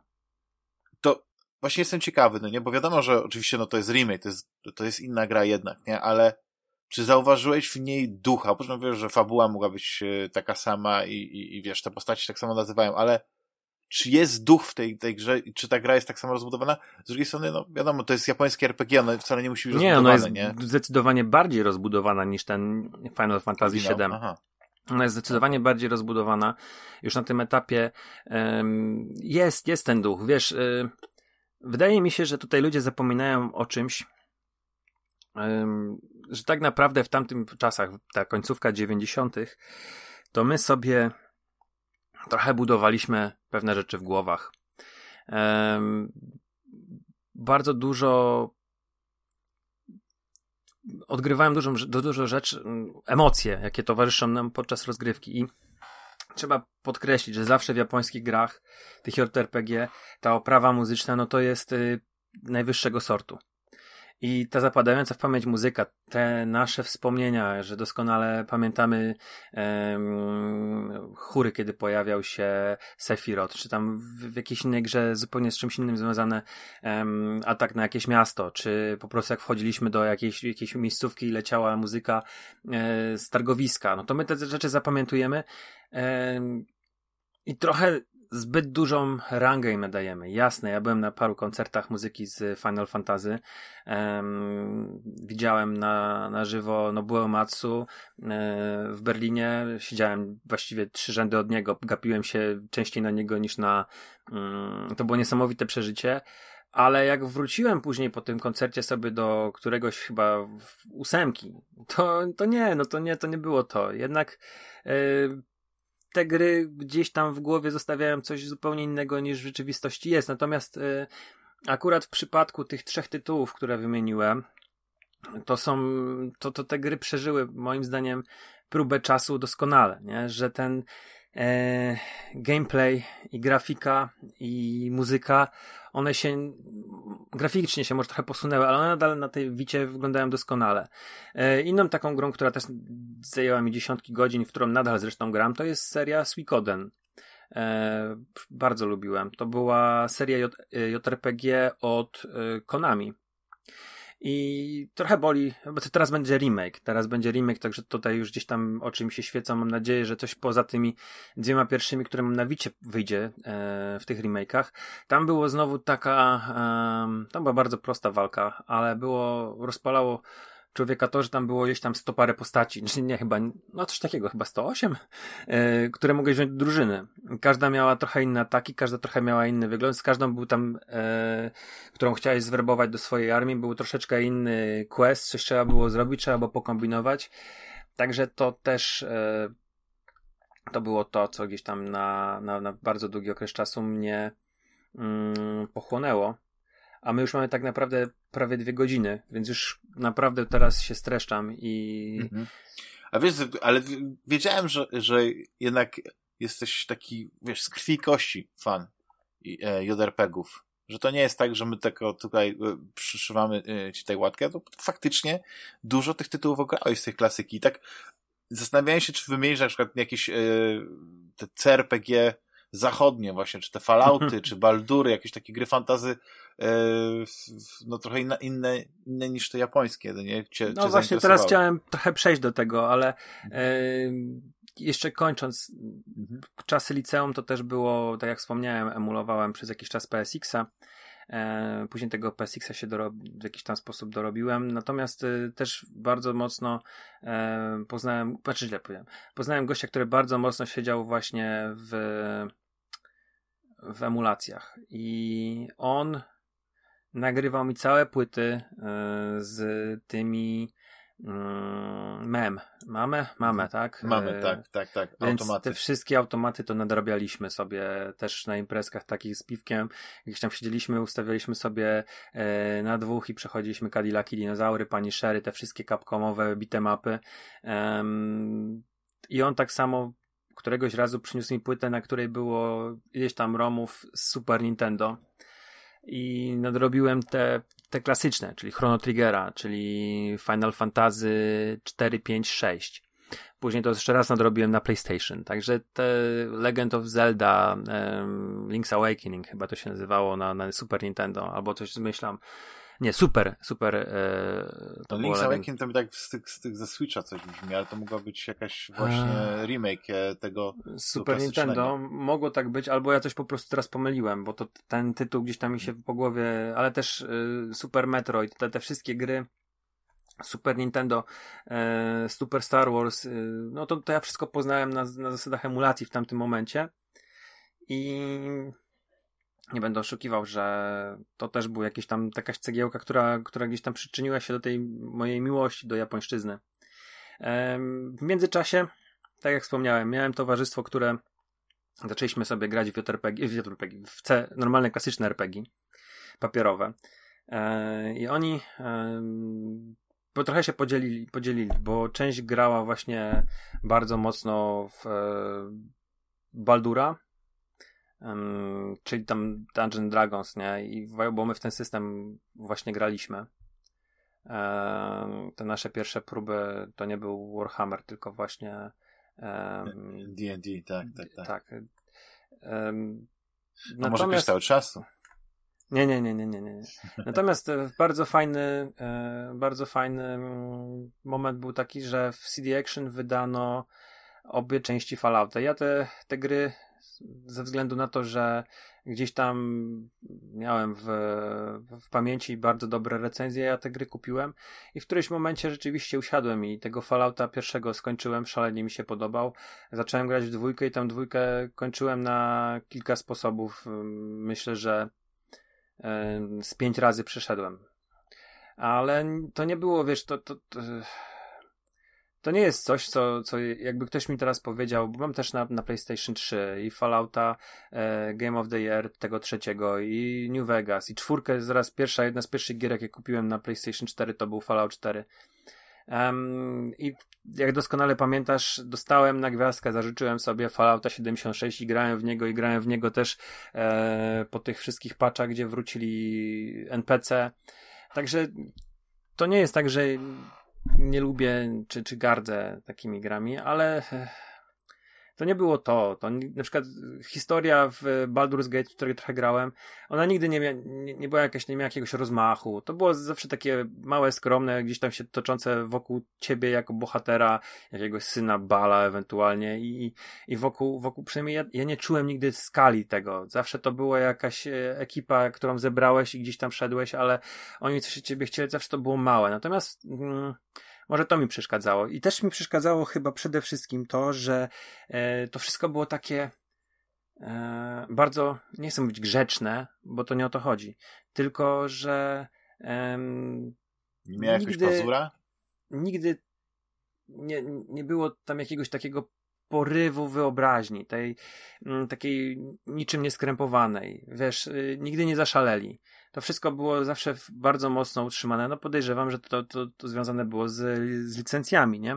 To było bardzo utrzymane w takim duchu klasycznego e, fantazy, a jednak zawsze lubiłem coś innego, nie? Zawsze i taką grą, która zaoferowała mi taki, wiesz, doświadczenie e, weird, to takie w ogóle trafiłem do naprawdę innego świata z jakąś e, inną fauną, inną florą to zafundował mi Morrowind, który Elder Scrolls, The Elder Scrolls 3 Morrowind, który e, był grą, która też wiele, wiele godzin e, zajęła mi e, i nie wiem, czy jest gdzieś tam drugi taki tytuł e, w tym może to inaczej. To taki jest jeden z y, ostatnich przykładów, jaki mi nachodzi, gdzie zachodnie gra y, wysokobudżetowa pokusiła się zrobić coś tak dziwnego, tak y, innego. Dlatego też lubię sobie czasami wrócić do Skyrima i pochodzić po tej krainie bo tam są te takie dziwności, jakieś takie, wiesz, e, światy, którymi, do których się przenosisz um, przez jakieś tam interakcje z tymi bóstwami deaderycznymi, czy wchodzisz do jakiejś podziemi i znajdujesz e, cywilizację, która już wyginęła i zmieniła się w jakichś morloków. To jest coś, co e, ja zawsze będę chwalił w The Elder Scroll i w, uważam, że to, jak zbudowane jest lore tego świata i jak niesamowita mam przyjemność czasami sobie włączyć jakiś podcast albo poczytać wpisy na mistycyzmie popkulturowym o, o tym, co tam się dzieje, to jest, to jest wiesz, to, to jest coś, co, co, co mnie właśnie pociąga w fantazy, a nie takie, że o krasnoludy, o ciemne elfy yy, i co najwyżej jest jakiś yy, król licz yy, w podziemiach Ankh, czy tam mam jakieś tam tego miasteczka i wchodzisz i jest krypta 3 na 5 i, i prowadzisz walkę wciskając spację i wybierając. Nie, to dla mnie nigdy nie było jakoś tam atrakcyjne. A jest wiesz, ciekawe, że ja też jakoś tak nie lubię, ale niektóre gry albo niektóre filmy obejrzę ale na przykład książki niekoniecznie, bo zawsze byłem wielkim fanem science fiction, ale właśnie więcej jak sobie tak pomyślę, po prostu było takich ciekawszych e, historii fantasy, no nie, RPG, choćby ten Skyrim, o którym mówisz, ale też bardzo lubię ten, te, te światy mroku, takie z wampirami. Takie, na przykład, nie, albo, albo e, znaczy, najlepsze to są takie uniwersa rozbudowane, jak na przykład Supernatural, nie? Że tam po prostu możesz mieć wszystko. Tam możesz e, tak naprawdę te wszystkie mitologie sobie zmieszać, bo, mhm. nie wiem, w God of Warze, nie? Że właściwie to faktycznie, e, tak jak sobie pomyślę, chyba tylko nie było tych bogów słowiańskich. Chociaż, kto wie, może, może były, tylko ja akurat nie grałem w to, ale, ale jest coś takiego niesamowitego w, w na przykład takim Ragnaroku, nie? Grasz i nie wiem, czy to jest kwestia tego, trochę odbiegnę od, od tematu, ale chodzi mi o to, że po prostu mi się strasznie Ragnaroku podoba to, że ta gra ma bardzo ciekawie opowiedzieć, znaczy dla laika takiego jak ja, jeśli chodzi o, wiesz, motywy wikingów, wiesz, oczywiście Odyna, Tora, Freje, e, Baldura i tak dalej, tych wszystkich rozpoznaje tych bogów, nie? Ten, ten świat jest, nie jest mi totalnie obcy, ale mhm. jest tyle rzeczy, które są autentyczne właśnie z, z, z tej, tej mitologii e, nordyckiej. Ten Mimir przecież e, faktycznie był tą, tą obciętą głową najmądrzejszym człowiekiem na świecie, który jest tą skarbnicą wiedzy, który po prostu opowiada niesamowite historie, anegdoty. No, jest coś niesamowitego, uwielbiam to, mimo że to jest swego rodzaju fantazy, a ja jestem wielkim fanem science fiction i tego tak mm -hmm. nie mhm. mogę pojąć, jak czasami wbrew sobie, no nie coś mi się podoba, znaczy wbrew takiemu mojemu ogólnemu gustowi. I, i to, no i tak mam właśnie z grami, nie? że na przykład są gry, które e, bardzo lubię, ale na przykład nigdy nie skończyłem, na przykład Arkanum, ale strasznie mi się w Arkanum podobał e, ten klimat, wiesz, e, tego steampunku, nie? I pomieszania tego z magią, nie? I ten, ten podtytuł, przypowieść o e, maszynach i magii, nie? I to takie jest, wiesz, y, fajne, że ktoś, okej, okay, ktoś wprowadził do fantazy coś, coś nowego, no nie jest, sprawił, że jest interesujące, że nie jest właśnie, tak jak mówisz, mm -hmm. takie sztampowe, elfy, krasnoludy, takie tolkienowskie, nie? No bo nic nie odejmując Tolkienowi, ale po prostu Tolkien e, wymyślił, był pierwszym, był prekursorem, który tak to, tak to nakreślił, a wszyscy już tylko robią taki postmodernizm, nie? Odklepują e, znane motywy, no nie? Dobra, i zbliżamy się do etapu już takich, e, powiedzmy, tak. połowy tych, tych lat e, zerowych. Mhm. Czyli e, studia. Kreską zaznaczamy powiedzmy 2010 i ewentualnie właśnie tak, to tam do, do, PlayStation 3. To powiedzmy, że umówmy się, że to już sobie omówimy we trójkę te gry, które były po 2010. Ja wam tutaj mam dwie, dwie anegdoty. Tak jak chyba jednej wspominałem, że też dlaczego kiedyś mi zapytałeś, dlaczego ja jestem takim konsolowcem, nie mam PC-ta, ja odpowiedziałem ci wtedy, że ja bardzo ciężko pracowałem e, na bardzo dobrego PC-ta, który e, no był, był, no, no był mocny, no naprawdę był mocny i ten, ta moc wystarczyła na półtora roku, może na dwa lata wtedy. To był ten, e, to były te lata 2005-2007, gdzie weszły te kory już i, i ten mój PC wtedy nie wiem, Pentium 4 to było, czy coś takiego, to, to, to gdzieś tam już sobie e, mogło, już nawet nie pamiętam co to było, tam była też karta całkiem spoko graficzna i E, pamiętam, kumpel do mnie przychodził zobaczyć, jak e, na przykład Fir wygląda, albo jak Oblivion chodzi, bo na przykład u niego Oblivion nie chodził, a, a u mnie bez problemu, nie? I tam nawet nie, nie było żadnej przycinki. I, i wiesz, e, i pamiętam, że to były czasy studenckie, więc to te pieniądze mm, wydawało się na zupełnie inne rzeczy, niż się chciałoby odkładać pieniądze na rozbudowę komputera. I, i w tamtym momencie y, ja byłem taki strasznie rozgoryczony, że nie pamiętam, coś wyszło takiego, co chciałem zagrać. I no niestety, to nie poszło. E, nie pamiętam, co to była za gra. ale w ten okres taki, gdzie właśnie miałem bardzo dobrego peceta, no to bawiłem się y, głównie w FPS-y. To już był ten czas, gdzie, tak jak wspomniałem, był Fear, był Half-Life 2. Mm, to też nie było jakoś tam szalenie dużo tego grania. Umówmy się, że jednak studia, y, nowe znajomości, nowe przyjaźnie, nowe dziewczyny, to było coś, co, co mi zaprzątało głowę. Niekoniecznie e, byłem gościem, który by siedział i grał, ale trochę przed tym e, jeszcze była jedna gra, która w tym samym czasie, czyli tam przełom liceum i i studiów y, zabrała nam też kupę czasu i to było e, na PlayStation 2 SmackDown, nie wiem, WWE SmackDown Shut Your Mouth, a później było SmackDown vs Raw. To były dwie części wrestlingu WWE robione przez THQ gdzie y, po prostu my byliśmy, nadal jesteśmy jakimiś tam fanami wrestlingu i uwielbiamy e, szczególnie tą Attitude Era e, i te, te, ten czas, kiedy e, WWE zostało, e, znaczy wykupiło WCW i przy tam Hulk Hogan. E, i my, o Jezu, no budowaliśmy własne postaci, dodaliśmy im ciosy i przechodziliśmy a to fabuła, a to po prostu bawiliśmy się tam godzinami. To były też takie nasiadówy, posiadówy z piwami, bo to już byliśmy dorosłe chłopy. E, I, i w ogóle THQ w ogóle chyba na, na zasadzie właśnie, no, jak świetnie wyszły im te gry wrestlingowe, zrobili fenomenalną grę UFC 2009 Undisputed, nie czy, czy akad Nie, nigdy UFC nigdy nie, nie, nie, nie, nie interesowało nie. mnie. Ale nie wiem, czy ten sam silnik, czy, czy ten, ale po prostu to, to był fenomen wtedy.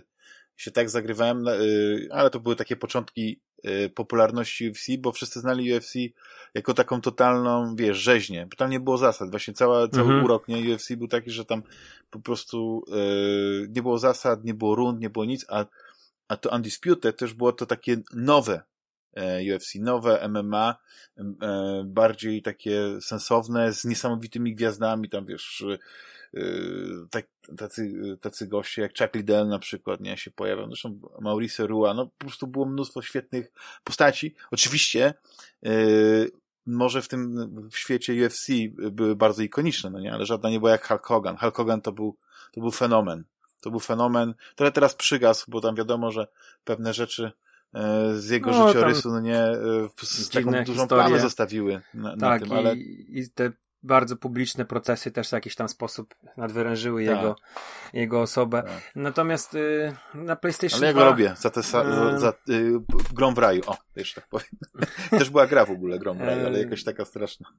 Natomiast jeszcze na PlayStation 2, tak jak wspomniałem gdzieś tam z półtorej godziny temu, e, gra Half-Life, która mm, była nie tylko tam miała deathmatch, ale były specjalnie przygotowane plansze pod kooperację i to też sporo e, dawało nam uciechy e, te deathmatche. Jednak z, zawsze Um, fajniej było pograć y, obok siebie, siedząc na kanapie, na fotelach, y, czy nawet na podłodze, niż y, łączyć się przez neta, bo wtedy to były takie czasy, że um, mieliśmy jakiś tam wybór, nie? Tam ktoś poszedł do kogoś, ktoś inny poszedł do kogoś i siedzieliśmy, y, mogliśmy sobie do siebie pisać na gadu-gadu na przykład i grać w coś, ale nie, zawsze lepiej było się spotkać i zawsze lepiej wypadało właśnie u kogoś, kto tę konsolę miał i, i e, Half-Life e, na PlayStation 2, ten WWE, ale też taka inna gra FPP Time Splitters 2, gdzie był świetny deathmatch, e, też był, też był tam koop, też można było budować własne plansze, także tam dobrych y, setki godzin tam w tą, tam w tą grę też utopiliśmy. Także jak y, ty słyszysz i słuchacze słyszą, to tych gier takich multi całkiem dużo wymieniłem, co jest śmieszne, bo teraz w tego multi to prawie w ogóle nie gram. No tylko z córką w Lego czy w no, w Lego czy jakieś tam wyścigi e, Sonika we dwójkę. Mm, a tak to, to rzeczywiście kiedyś to, to była podstawa u mnie. I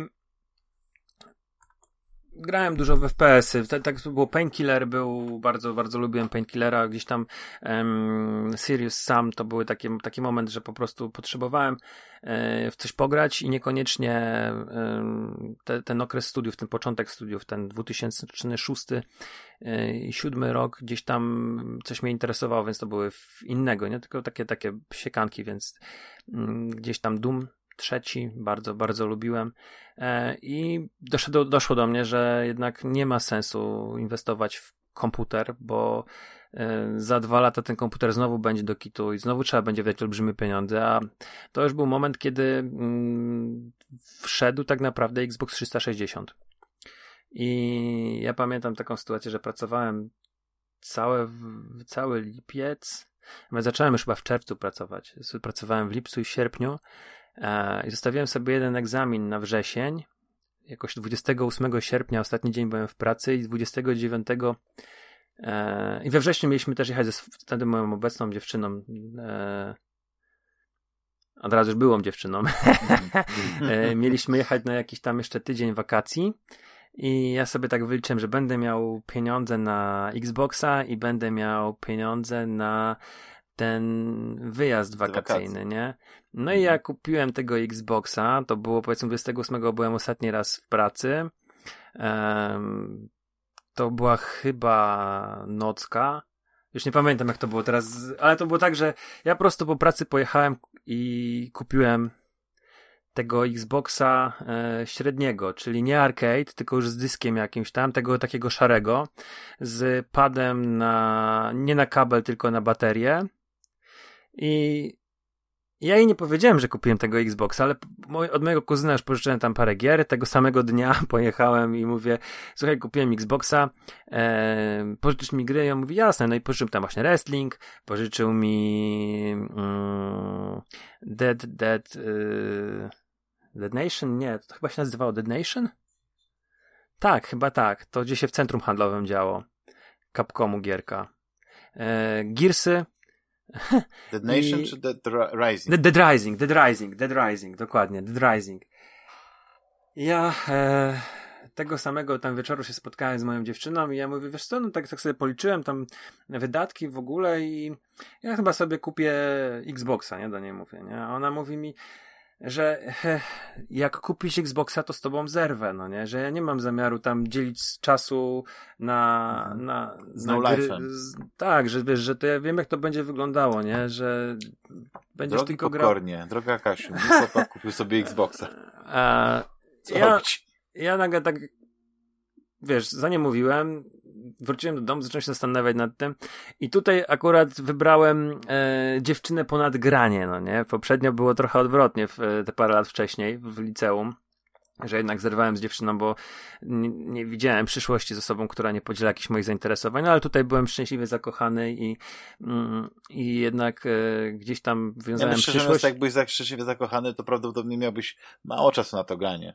Byś, kurzyłaby się ta konsola.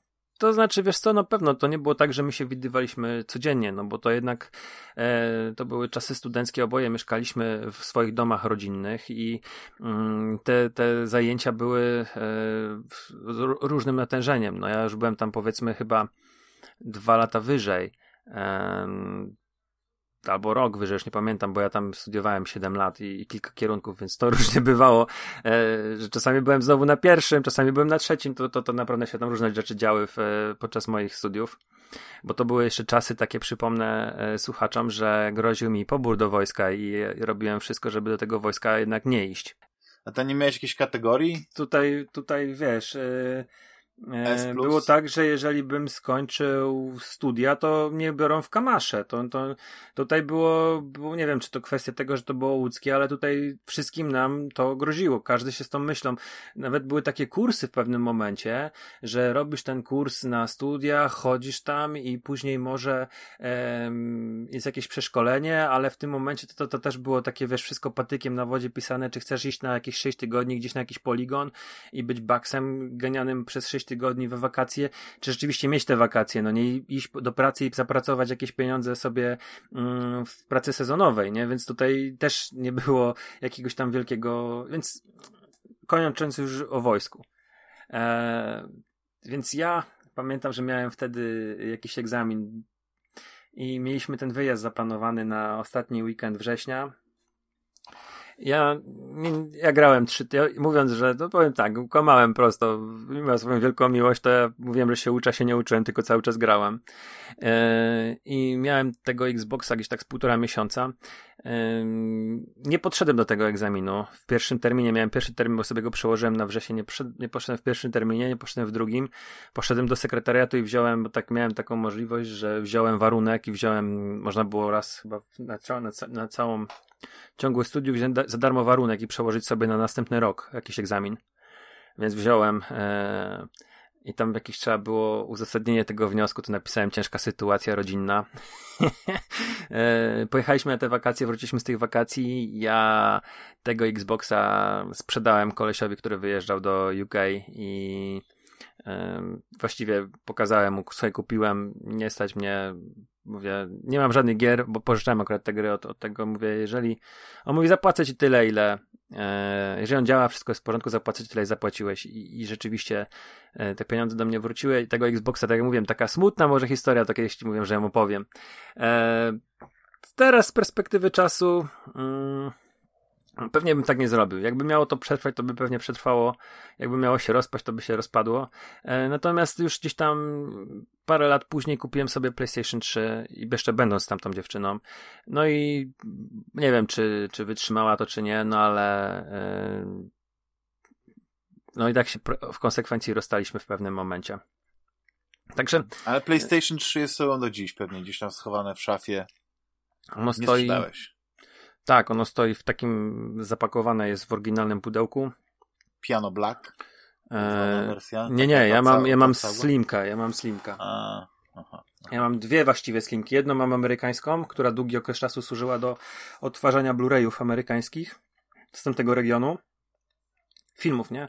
I drugą mam już europejską, o, tak się, tak się złożyło, że do tego, e, do tego PlayStation 3 to, to przez lata to się nakupowało tych rzeczy, bo to już był okres, kiedy się pracowało, to się już nie tylko gry kupowało, ale to się kupowało mowy, to się już kupiło tego DJ Hero, to się kupiło jeden, drugi, trzeci, czwarty pad, bo tam potrzebowało się do czegoś, żeby, e, wiesz, na jedną imprezę to się kupiło dwa, dwa dodatkowe pady, bo po prostu się wtedy miało pieniądze, w z tymi dwoma padami zostawało.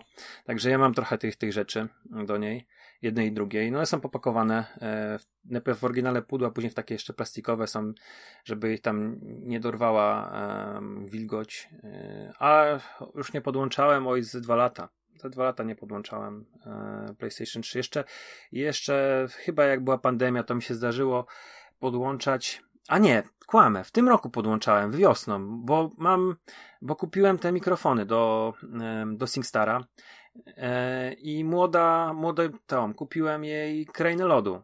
I ona młoda śpiewała y, sobie piosenki z Krainy Lodu i też trochę tańczyliśmy, bo też kupiłem y, tego Just Dance, nie? Czy tam nie wiem, to Dance Revolution, nie pamiętam jak się ta gra nazywa.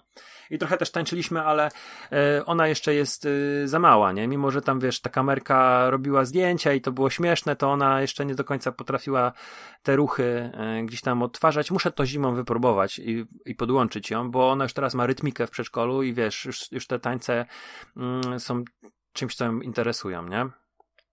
Także tutaj może trochę tą erę 360 przeskoczyłem, E, te, te 5 lat od 2005, bo chyba tak miała 360 premierę, do 2010, ale tych gier jakoś rzeczywiście nie było dużo. Jedna, wiesz, w międzyczasie miałem PlayStation Portable.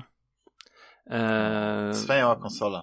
Fajna konsola. Trochę, e, trochę tam tych gier grałem, ale tak naprawdę mm, tylko jedna e, z tamtego czasu, właściwie dwie zapadły mi mocno w pamięć, a jedną, no to tak od kurczę, no, 20 lat może nie, ale z 15 lat to gram cały czas i, i nieprzerwanie i to nie ma powiedzmy miesiąca, żebym nie grał. I to jest Lumines. E, jestem o. w ogóle wielkim fanem Tetrisa, ale Lumines mnie absolutnie pochłonęło. Zaczęło się to wszystko tak naprawdę od właśnie PlayStation Portable, później był PC, bo tam to Lumines wyszło na PC-ta. Później PlayStation 3, teraz mam na Wicie i uwielbiam. To jest, no nie jestem jakimś mistrzem, nie jestem jakimś tam, wiesz, są wymiatacze, którzy tam potrafią robić niesamowite rzeczy. Ja się po prostu przy tej grze relaksuję. Eee, Także to jest jakaś taka gra, która, jeżeli coś tam z tej ery mnie ukształtowała, to mówię, bardzo dobrze się relaksuje przy Lumines. I patapomy mi się podobały zawsze i lubiłem ten, no to ten była pomysł. taka ciekawa gra rytmyczna, gdzie, gdzie jakby to wybijanie tak. było tak połączone z tym obrazem, z tą historyjką, znaczy historyjką. No ja nie byłem wielkim fanem e, pataponów, ale podobała mi się koncepcja i to była dosyć popularna gra, bo to chyba ze dwie albo trzy części powstały, nie? Trzy części. Ja w nią jestem bardzo tak. słaby, bo ja już kiedyś wspominałem, ja słabo idę w takie ręka oko, u mnie to tak najlepiej nie działa i nie jestem też dobrym perkusistą, nigdy nie byłem, nigdy nie ten rytm. Po pierwsze ta, ta lewa ręka jest dosyć mocno połamana i, i ona nie jest sprawna, nie odzyskałem nigdy sprawności z nią, więc ta ta lewa ręka nigdy nie była dobra w biciu e, na perkusji i nie zostałem perkusistą. Ach, bardzo chciałem, wierzcie mi. e, jak był rock, e, rock, e, Rockstar i siadałem za perkusją, to tam też strasznie lamiłem. Rock Band. Rock Band, rock, rock Band, dokładnie. Natomiast, tak jak wspomnieliście, Guitar Hero, był taki moment, pożyczałem gitarę, lubiłem sobie bardzo w trójeczkę pograć, tam ten utwory e, Slow Ride, Barracuda, uwielbiałem. Był taki moment, że mój kumpel z podstawówki miał knajpę e, rockową, Rock Fabryka w Fabienicach i e, graliśmy na takie spotkania sobie robiliśmy. Tam w, w czwartki dżemowali, a my chyba się w poniedziałki albo wtorki pojawialiśmy i graliśmy sobie w Guitar Hero, czy właśnie w Rock Banda na, na dużym ekranie, znaczy na, no, na, na rzutniku, nie? Puszcza, puszczaliśmy sobie to na rzutniku i, i graliśmy i piliśmy piwka. Także to, to gdzieś tam funkcjonowało, ale tak jak miałbym podsumować, jakie gry mnie ukształtowały, to, to dwójpół godziny prawie naszą rozmowę, to, to chyba ta era RPGów, JRPGów z PlayStation pierwszego. Jakoś najbardziej te, bardzo dobrze wspominam te pierwsze gry trójwymiarowe na PC, czyli Tomb Raider, e, czyli e, Soul, Soul River. Gdzieś tam po drodze na pewno muszę wspomnieć jeszcze, bo zapomniałem o tym, czyli Metal Gear, który się gdzieś tam w różnych okresach pojawiał, trochę innych niż te premierowe, bo w momencie, kiedy mm, on się pojawił na PlayStation, ja PlayStation nie miałem, parę lat później go sobie emulowałem na PC-cie. Parę, parę lat później y, grałem w. Y, znaczy, przechodziłem dwójkę u mojego kuzyna. Parę lat później przechodziłem ją znowu na PC-cie. Y, w trójkę zagrałem dosyć późno, bo PlayStation 2 ja sobie kupiłem w 2010 roku, jak już pracowałem. To już była nie oszukujmy się, to już było, jak kupiłem PlayStation 2 już po tym, jak miałem Xboxa 360, a kupiłem ją tylko po to, bo dowiedziałem się, że e, o, o takiej e, o takiej tam, wiesz, serii gier e, Yakuza. Ktoś mi powiedział i ja mówię, co? No, to był taki okres, gdzie ja naprawdę mocno siedziałem w, w kinie gangsterskim, japońskim. I ja mówię, co? Jest taka gra? O, I wiesz, i, i i się rzuciłem My na... kiedyś będziemy musieli zrobić, a to tak sam, sam rzuciłeś e, w sumie, e, znaczy tak, tak wspomniałeś, że e, te, two, te twoje granie i twoje te inne pasje nie? do filmu, do, do, do, do, do książek, komiksów się tak przeplatały i miały na siebie wpływ. Musimy kiedyś zrobić po prostu, jak, jak zrobimy kolejną część, może już nie będzie o tych nowożytnych czasach, bo jednak 2010-2020 to trochę tak za nowo. Znaczy mhm. nowo, no za, za, za wcześnie. Jeszcze musi Ale wiesz, wody. To jest łatwiej. Ja mam, ty masz 40, yy, ja mam prawie 40. Jules ma prawie 30, to wiesz, to nam łatwiej będzie to jednak to ostatnie Jules ma 23, się... ale mentalnie 15-latek. ale tak naprawdę to wiesz, to łatwiej mi się, bo ja naprawdę, wierzcie mi słuchacze, ja się naprawdę musiałem przygotować do tego, bo to wcale nie jest tak, że ja myślę o tych czasach jakoś szalenie mocno. Ja jestem raczej osobą, która em, trochę ma gdzieś to, co tam się działo. Nie jestem osobą, która siada i ogląda zdjęcia. nie jestem jakoś szalenie sentymentalny. powiem, powiem wprost, no u nas było, w, nie jest lepiej teraz, no jest, mam, mam, co, mam na, na, tyle fajną sytuację finansową, że stać mnie na nową grę w, w co miesiąc, czy na, na, parę komiksów, czy na książkę. Kiedyś tego nie miałem e, i, i... Ale byłeś bardziej resourceful, jak to się ładnie mówi, taki bardziej Tak, chodziłem, chodziłem po, po jakichś osiedlach i szukałem obcych tak. osób, które gdzieś tam podobno tak, miały migę. Polowałeś na, na, w kioskach na numer dinozaurów, bo składałeś tego dinozaura dinozaura fluorescencyjnego. Ja miałem gdzieś całego, całego. Ja miałem w ogóle, mm -hmm. kiedyś się zbierało e, nie tylko tam, wiesz, te historyjki z gumy Turbo, Donaldy i tak dalej, tylko były na przykład karty do gry. I miałem piłkarzy i miałem samochody. I to wszystko Też przepadło. Miałem... Jedyne, co znalazłem po latach, to te takosy ze Star Wars. Czy nie, czy tak, tako, nie, takos, dobrze, Dob... takosy to się... Yy, tazosy, krążki, które, tazosy, tazosy, tazosy, tazosy, tak. Yy. Nie wiem, gdzie jest reszta tych moich wszystkich skarbów, nie? Stary, na śmietniku zgniło już dawno. Twoja mama to wzięła nie. i wyrzuciła.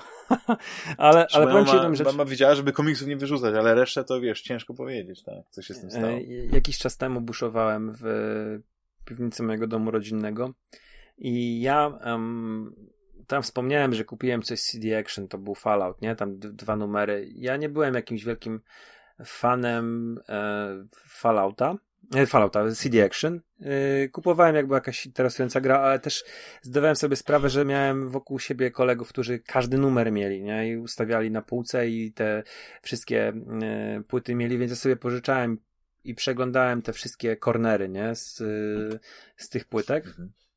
Nie wiem, kiedy na to czas miałem, ale to był taki, taki ekwiwalent internetu, surfowania po internecie. Tak, tak, tak. tak. Tam było tyle wirusów w ogóle w tych, na tych płytkach. To wiesz, po latach to, wiesz, wtedy to nie wiedziałeś, a teraz jak włączam, jakąś grę chciałem sobie zainstalować, włączyłem płytkę, od razu mi wyskoczył jakiś komunikat, mówię, o, dobra, przeszło mi.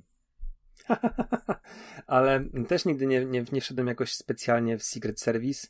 E, gdzieś tam pojedyncze numery mm, były Top Secret, później Secret Service, ale to naprawdę pojedyncze, pojedyncze. Tak samo w y, prasę konsolową, no to trochę PSX-ów kupowałem, bo tam były na przykład opisy e, też do gier, które na PC mnie interesowały i wiedziałem na przykład, że e, tam na PSX są, są całkiem fajne, PSX Extreme miało fajne opisy.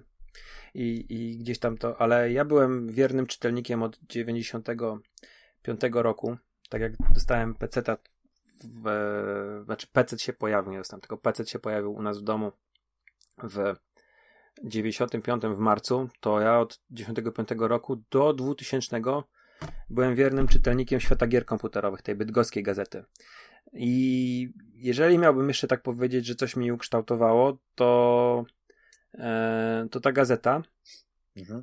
i komiksy Michała Śledzińskiego, który tam były, które były w tej gazecie umieszczane. E, też kupowałem Reset, bo tam Adler rysował e, do scenariuszy Tak, kapitalny, kapitalny. Ale wydaje mi się, że w pewnym momencie przestałem kupować e, TM Semiki, bo no nie było, wiadomo, budżet był ograniczony, więc gdzieś te, te TM Semiki prze, przeszły mhm. mi, natomiast miłość do komiksu jako taka wydaje mi się, że utrzymana została przez Śledzia. Bo Śledziu no w 99 zaczął wydawać produkt. produkt tak. I to tak przeszło naturalnie. Mimo, że produkt, ja miałem 14 lat, więc to nie była, to nie była czasopismo dla mnie, nie? Nie oszukujmy się.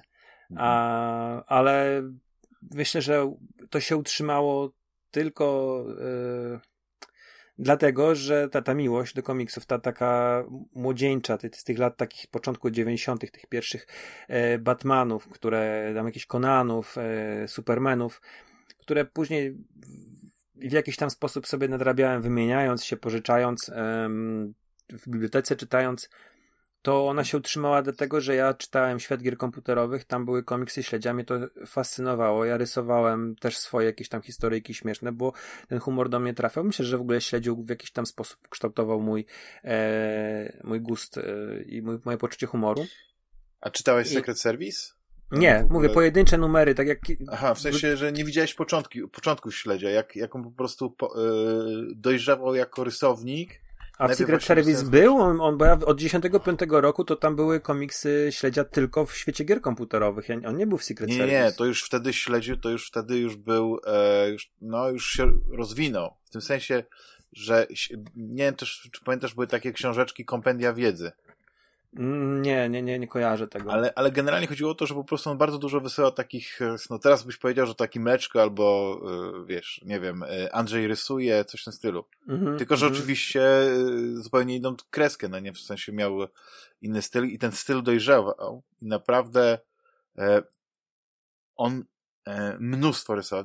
Właśnie to jest to, że jak chcesz po prostu gdzieś, wiesz, wręcz jakąś pasję, to musisz cały czas ten, on zasypywał chyba redakcję Secret Service z tymi swoimi rysunkami. Zresztą ja, a propos tych starych y, czasów, ja też właśnie miałem takiego kolegę, który, jak ja miałem Amigę, to ja szedłem do niego i on miał takiego brata, ale jego brat to już nie był tak jak, wiesz, twój kolega tam 7 lat starszy, że 2 lata starszy, tylko on jeszcze chyba był na studiach, to jakieś prawnicze studia i on e, przegrał mi grę, no to na Amigę 500 to ona była praktycznie niegrywalna, ale to był fenomen, to było UFO pierwsze, a mhm. no. No tam, bo był, nie wiem, z 10 lat starszy, bo 15, wiesz, to, to, to wiesz, powiedzmy miał 20 parę lat, a my jakieś takie szczyle 12-letnie. I też mi się chwalił, że też rysował do jakieś tam jego obrazki, kilka obrazków wydrukowali w Secret Service. To była taka duma. To było po prostu coś mm -hmm. tak niesamowitego. Ja pamiętam, że ja chyba też nawet coś mogłem wysłać, nie? No bo yy, nie wiem, jakoś tak było, że chyba e, to rysowanie też miałem gdzieś we krwi, ale ja znowu tej pasji, tego, wiesz, nie wyrobiłem sobie rzemiosła. Wiesz jak to jest, że to jednak trzeba, możesz mhm. mieć Jasne, talent, rękę trzeba ćwiczyć. Ale tak w tym, ten talent to jest, e, no, ktoś może mieć świetny, niesamowity talent, wiesz, no są jacyś, jacyś sawanci, którzy, którzy po prostu zamykają oczy i malują coś z głowy, jakby robili zdjęcie, ale to e, bardziej chodzi o to, że po prostu, no po to chodzi się na te studia e, plastyczne, czy jakieś tam, wiesz, rysujesz modele e, nagich osób, bo ćwiczysz po prostu, uczysz się anatomii, już wiesz, to takie proste rzeczy jak narysowanie dłoni czy twarzy, to, to tak, e, znaczy proste, nie jest proste właśnie. To chodzi o to, że po prostu trzeba wyćwiczyć, że to, rozumieć, to, to, to lata, e, no ale to już, to już zupełnie temat, ale tak, ale po prostu tak pamiętam śledzić, zresztą w ogóle e, uwielbiam Michała Śledzińskiego, zresztą jego najlepsza, najlepsze albumy to oczywiście tam te Osiedle Swoboda i tak dalej, ale jest ten taki, a propos nostalgii i a propos tych wspaniałych czasów, lat 80., 90. i tak, no tak wyjątkowa kat zahacza o te lata. Nie wiem, czy czytałeś, pewno na 100% czytałeś, na szybko spisane. Mam wszystko, czytałem wszystko, co śledzia. Brakuje mi tylko Fido i Mel na kozetce, e, które wydał w Egmoncie na samym początku. Ja w ogóle nie wiedziałem o tym i przegapiłem ten album. Bardzo lubię na szybko spisane. To jest rewelacyjny komiks. To jest tak wzruszająca historia, bo ona jest taka... Nasza, nie? To jest taka... taka... Pewne są różnice tam, ale tam ja, ja gdzieś tam się gdzieś odnajduję w tej historii. Ja ale też, się, też bohater rzuca finką w piaskownicę, też... E, no tak, no to, bo to jest, to jest nasze dzieciństwo. No to, to, to wiesz, to jest każdym razie po prostu wiele rzeczy, to jest niesamowite, no nie? Y, wiele z nas przeżywało bardzo podobnie. Może te podwórka były trochę inne, no nie? Na, na, na, na wschodzie Polski, trochę inne na zachodzie, trochę inne na północy, trochę inne na południu, ale gdzieś tam pewne rzeczy, pewne zabawy były wspólne, nie? Mogły się inaczej nazywać, nie? Ale, ale jak ja na przykład mówię o tym, że my żeśmy zeskrobywali siarkę i żeśmy kołki wyrywali z tablic, tam wiesz, na blokach, nie? Żeby mieć taki wielki gwóźdź i robiliśmy dziurkę w, e, w asfalcie, żeby ją później rzucić na nią cegły, albo żeśmy się bawili w, ten, w puszki z karbonitem i żeby eksplodowały. Albo robiłeś kiedyś e, wulkany z saletry? Nie, ja raczej nigdy nie, byłem, nigdy nie byłem Aha, fanem. Piromanem takim. E, piromanem nie, nigdy tego To nie, nie, ja tylko słyszałem, że tam ludzie robili wyrwy i, i, i wyrywali kołki z, z, bloków, tak, z tablic. Nie, widzisz, byłem chyba nudnym dzieckiem, ani nie, było, nie wywoływałem duchów, ani nie, nie robiłem, nie, nie podpalałem niczego. Nie męczyłem też zwierząt, Damian, nie męczyłem... Nie, nie męczyłem zwierząt. Nie robiłem tak, sekcji tak. zwłok jakimś martwym y, zwierzakom, które znalazłem. Nie, nie, nie interesowały mnie takie Ale rzeczy. Nie miałeś takiego zestawu podstawowego właśnie finka, y, szkło powiększające, takie duże, żeby można na przykład było podpalać w piękny słoneczny dzień kartki nie, papieru. I nie tak... miałem, nie miałem nie. takich rzeczy. Nie miałeś procy też, nie? Proce miałem, ale to wiesz, to bardzo szybko mnie to znudziło. Ja nie chodziłeś na dziorgę? Na, na wsi spędzałem i gdzieś tam dziadek mi rzeczywiście zrobił proce, ale Yy, no postrzelałem sobie trochę nie, i tyle, no to nie było coś, co by mnie jakoś tam... Ale mimo, że człowiek miał proce, to to nie było tak, że się strzelało do ludzi, wiesz, nie było tym nic agresywnego, wiesz, nie, to nie była broń, którą się wykorzystywało właśnie w tych, w tych potyczkach. Przynajmniej ja, mhm. e, zresztą ja w ogóle jestem bardzo pacyfistyczny, nie, więc e, ja patrzę zawsze z boku na te, na te wojny i, i, i jak e, tam gdzieś coś tam wydarzyło, to później miałem straszne wyrzuty sumienia, no, więc...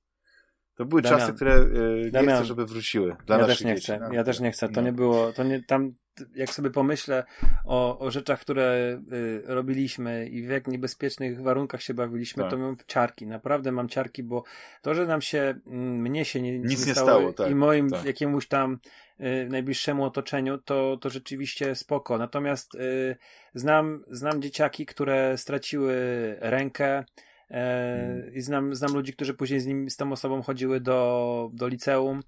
E, znam chłopaków, którzy się ponabijali na jakieś druty e, i byli, wiesz, spędzili pół roku gdzieś tam w szpitalu. Także y, ja pamiętam, jak, tak. że, że, że jakaś tam metalowa konstrukcja się przy, przywróciła na. Przechodziło się przez druty kolczaste. Jeden kolega sobie rozciął wewnętrzną y, część uda i to tak szeroko, że to wygląda jakby flaki wychodziły. Wiesz, mhm. ja wiem o czym pan mówi. E, taka metalowa zabawka, takie, takie, taka e, kratka, czy tam nie wiem jak to nazwać. Tak, na, na placu zabaw było coś, co się wspinało, drabinki, o. I to się mhm. na dzieciaka y, przewróciło i ten dzieciak chyba, to jest zwierzowca obok był, e, chyba miał zmiażdżoną miednicę. E, mój kolega, który był bliski, była wybita szyba. E, w 11-piętrowcu mieszkał. I była wybita szyba na, na klatce schodowej do windy i włożył tam rękę i mhm. winda mu zmiażdżyła rękę. E, także wiesz, jak sobie przypomnę, Oszukać przeznaczenie normalnie, to jest, ile to rzeczy, jest materiał na film. Gdzie my tutaj, wiesz, wprowadziliśmy się w 88 i tutaj był plac budowy, e, wiesz, jakieś gigantyczne, może nie takie maszyny, rury były, ale nie? tak, rury jakieś, jakieś e, takie wielkie mm, drewniane szpule, na które nawijali kable, jak to wszystko tak. ciągnęli, gdzieś tam jeszcze jeden blok był cały czas zbrojony, nie było nawet ścian i my tam chodziliśmy kilkulatki i biegaliśmy tam po, wiesz, po wieczorem, czy wieczorami, no tam jak w niedzielę, czy w sobotę. Na dach się wchodziło, bo, bo wiedziało się, w której klatce klapa na dach jest otwarta. Oczywiście, tak, że tak. oczywiście, że tak. I, I wiesz, jak sobie to wszystko przypomnę, a teraz miałbym sobie pomyśleć, że moje, moje dziecko za powiedzmy dwa lata starsze by robiły takie rzeczy, to dla mnie to jest w ogóle absurd. Absurd. Mhm. Y tak. I wiesz, ale to, to nawet. Jasne, że nawet. Ja... Chów. Rodzice się nie martwili. Nie, moja mama się martwiła i pewnie bym tam pasem dostał. Ja wiedziałem po prostu, że nie mogę Tylko po prostu mama nie wiedziała chyba. Moja mama nie wiedziała. Ja idę na no. podwórko, wiesz, to było tak, że na rzeczywiście gdzieś tam po jednej stronie miałem boisko e, szkoły podstawowej, więc przechodziło się przez e, parking mojego bloku i było się już na boisku szkoły podstawowej. I tam były cztery boiska, dwa do koszykówki, mm, dwa do piłki nożnej, gdzieś tam były jakieś drzewa i tak dalej, więc tych dzieci nie było widać. Po drugiej stronie były plac zabaw taki osiedlowy, gdzie też było pozasłaniane ten widok, bo to jakieś drzewa były, jakieś krzaki i tak dalej, a my chodziliśmy, wiesz, kawałek dalej po jakichś, wiesz, starych garażach, yy, pozarywanych komórkach, bo tam yy, to osiedle powstało, gdzie wcześniej były takie, taka zabudowa komunalna i pozostawały takie, jakieś takie, wiesz, y, rzeczy tam jeszcze po, po, po, tych, po tych starych, z tym starym budownictwie. Także wiesz, tutaj, ja nie chcę to w sumie, tak jak teraz myślę, to mam ciary, mm, ciary na plecach, tak, autentycznie. Tak. E, bo, bo Czasami naprawdę... są dobre rzeczy, tak się wspomina z sentymentem, ale nie chce się, żeby to wróciło. Nie, I dlatego, nie. jak człowiek jest rodzicem, to, to właśnie ten pryzmat, y, wiesz, może, może rodzice naszych rodziców, wiesz, pamiętają wojnę, pamiętają, że w ogóle nie było podwórek, tylko były jakieś zrujnowane kamienice. Leje po bombach. Tak, leje po bombach i wiesz, i, no. Znaczy, Ale powiem tak, że, że bardzo, bardzo mnie zaintrygowała twoja historia. I tak jak mówię, musimy kiedyś jeszcze raz się spotkać, żeby zrobić taki odcinek, ale taki bardziej poszerzony. A może kilka, ale takich właśnie, że nie tylko, tylko gry. Znaczy, bo gry już mamy właściwie opracowane, tylko takie inne rzeczy ciekawe, bo mimo wszystko, to ja lubię te sentymentalne podróże, bo wtedy sobie przypominam też dużo ciekawych gier, tylko że po prostu teraz yy, nie wiem, czy to są gry, które mnie ukształtowały, ale to są gry, które zawsze mówię, kurczę, ja miałem do tej gry tyle razy wrócić, tyle razy, nie, już, mm. już nie, to niech ona zostanie w mojej takiej słodkiej pamięci. Rzadko kiedy gra z tamtego, z tamtego czasu przechodzi próbę i ten, ten moment powrotu. Są oczywiście takie gry, które się e, absolutnie nie zestarzały, ale są gry, które które się nie da grać. Już, już, to już, już poszliśmy daleko do przodu, ale też e, rozwinęliśmy się jako odbiorcy i pewnego rodzaju naiwność, prymitywne prowadzenie fabuł, to już jest, to już jest nie, nie, No nie, niestety nie, nie, nie daje rady. E, Damian, dzięki za tę rozmowę. Bardzo mi było ten poniedziałkowy wieczór spędzić z tobą. Mnie, mnie również. E, dziękuję Rafale za, za tą wspaniałą, sentymentalną podróż. Dziękuję wszystkim naszym drogim słuchaczom, którzy, którzy, e, którym bardzo te specjalne odcinki się podobają, więc mam, mam tutaj stuprocentową pewność, że i ten się spodoba. I co? Słyszymy się za tydzień już, już bardziej tradycyjnie, w co ostatnio graliśmy. Mam nadzieję, że do tego czasu uda Ci się bardziej zagłębić historię Immortality i to będzie taki nasz temat główny. Dobra. Dzięki, Cześć. Rafał. Do usłyszenia, słuchacze drogi. Hej. Do usłyszenia.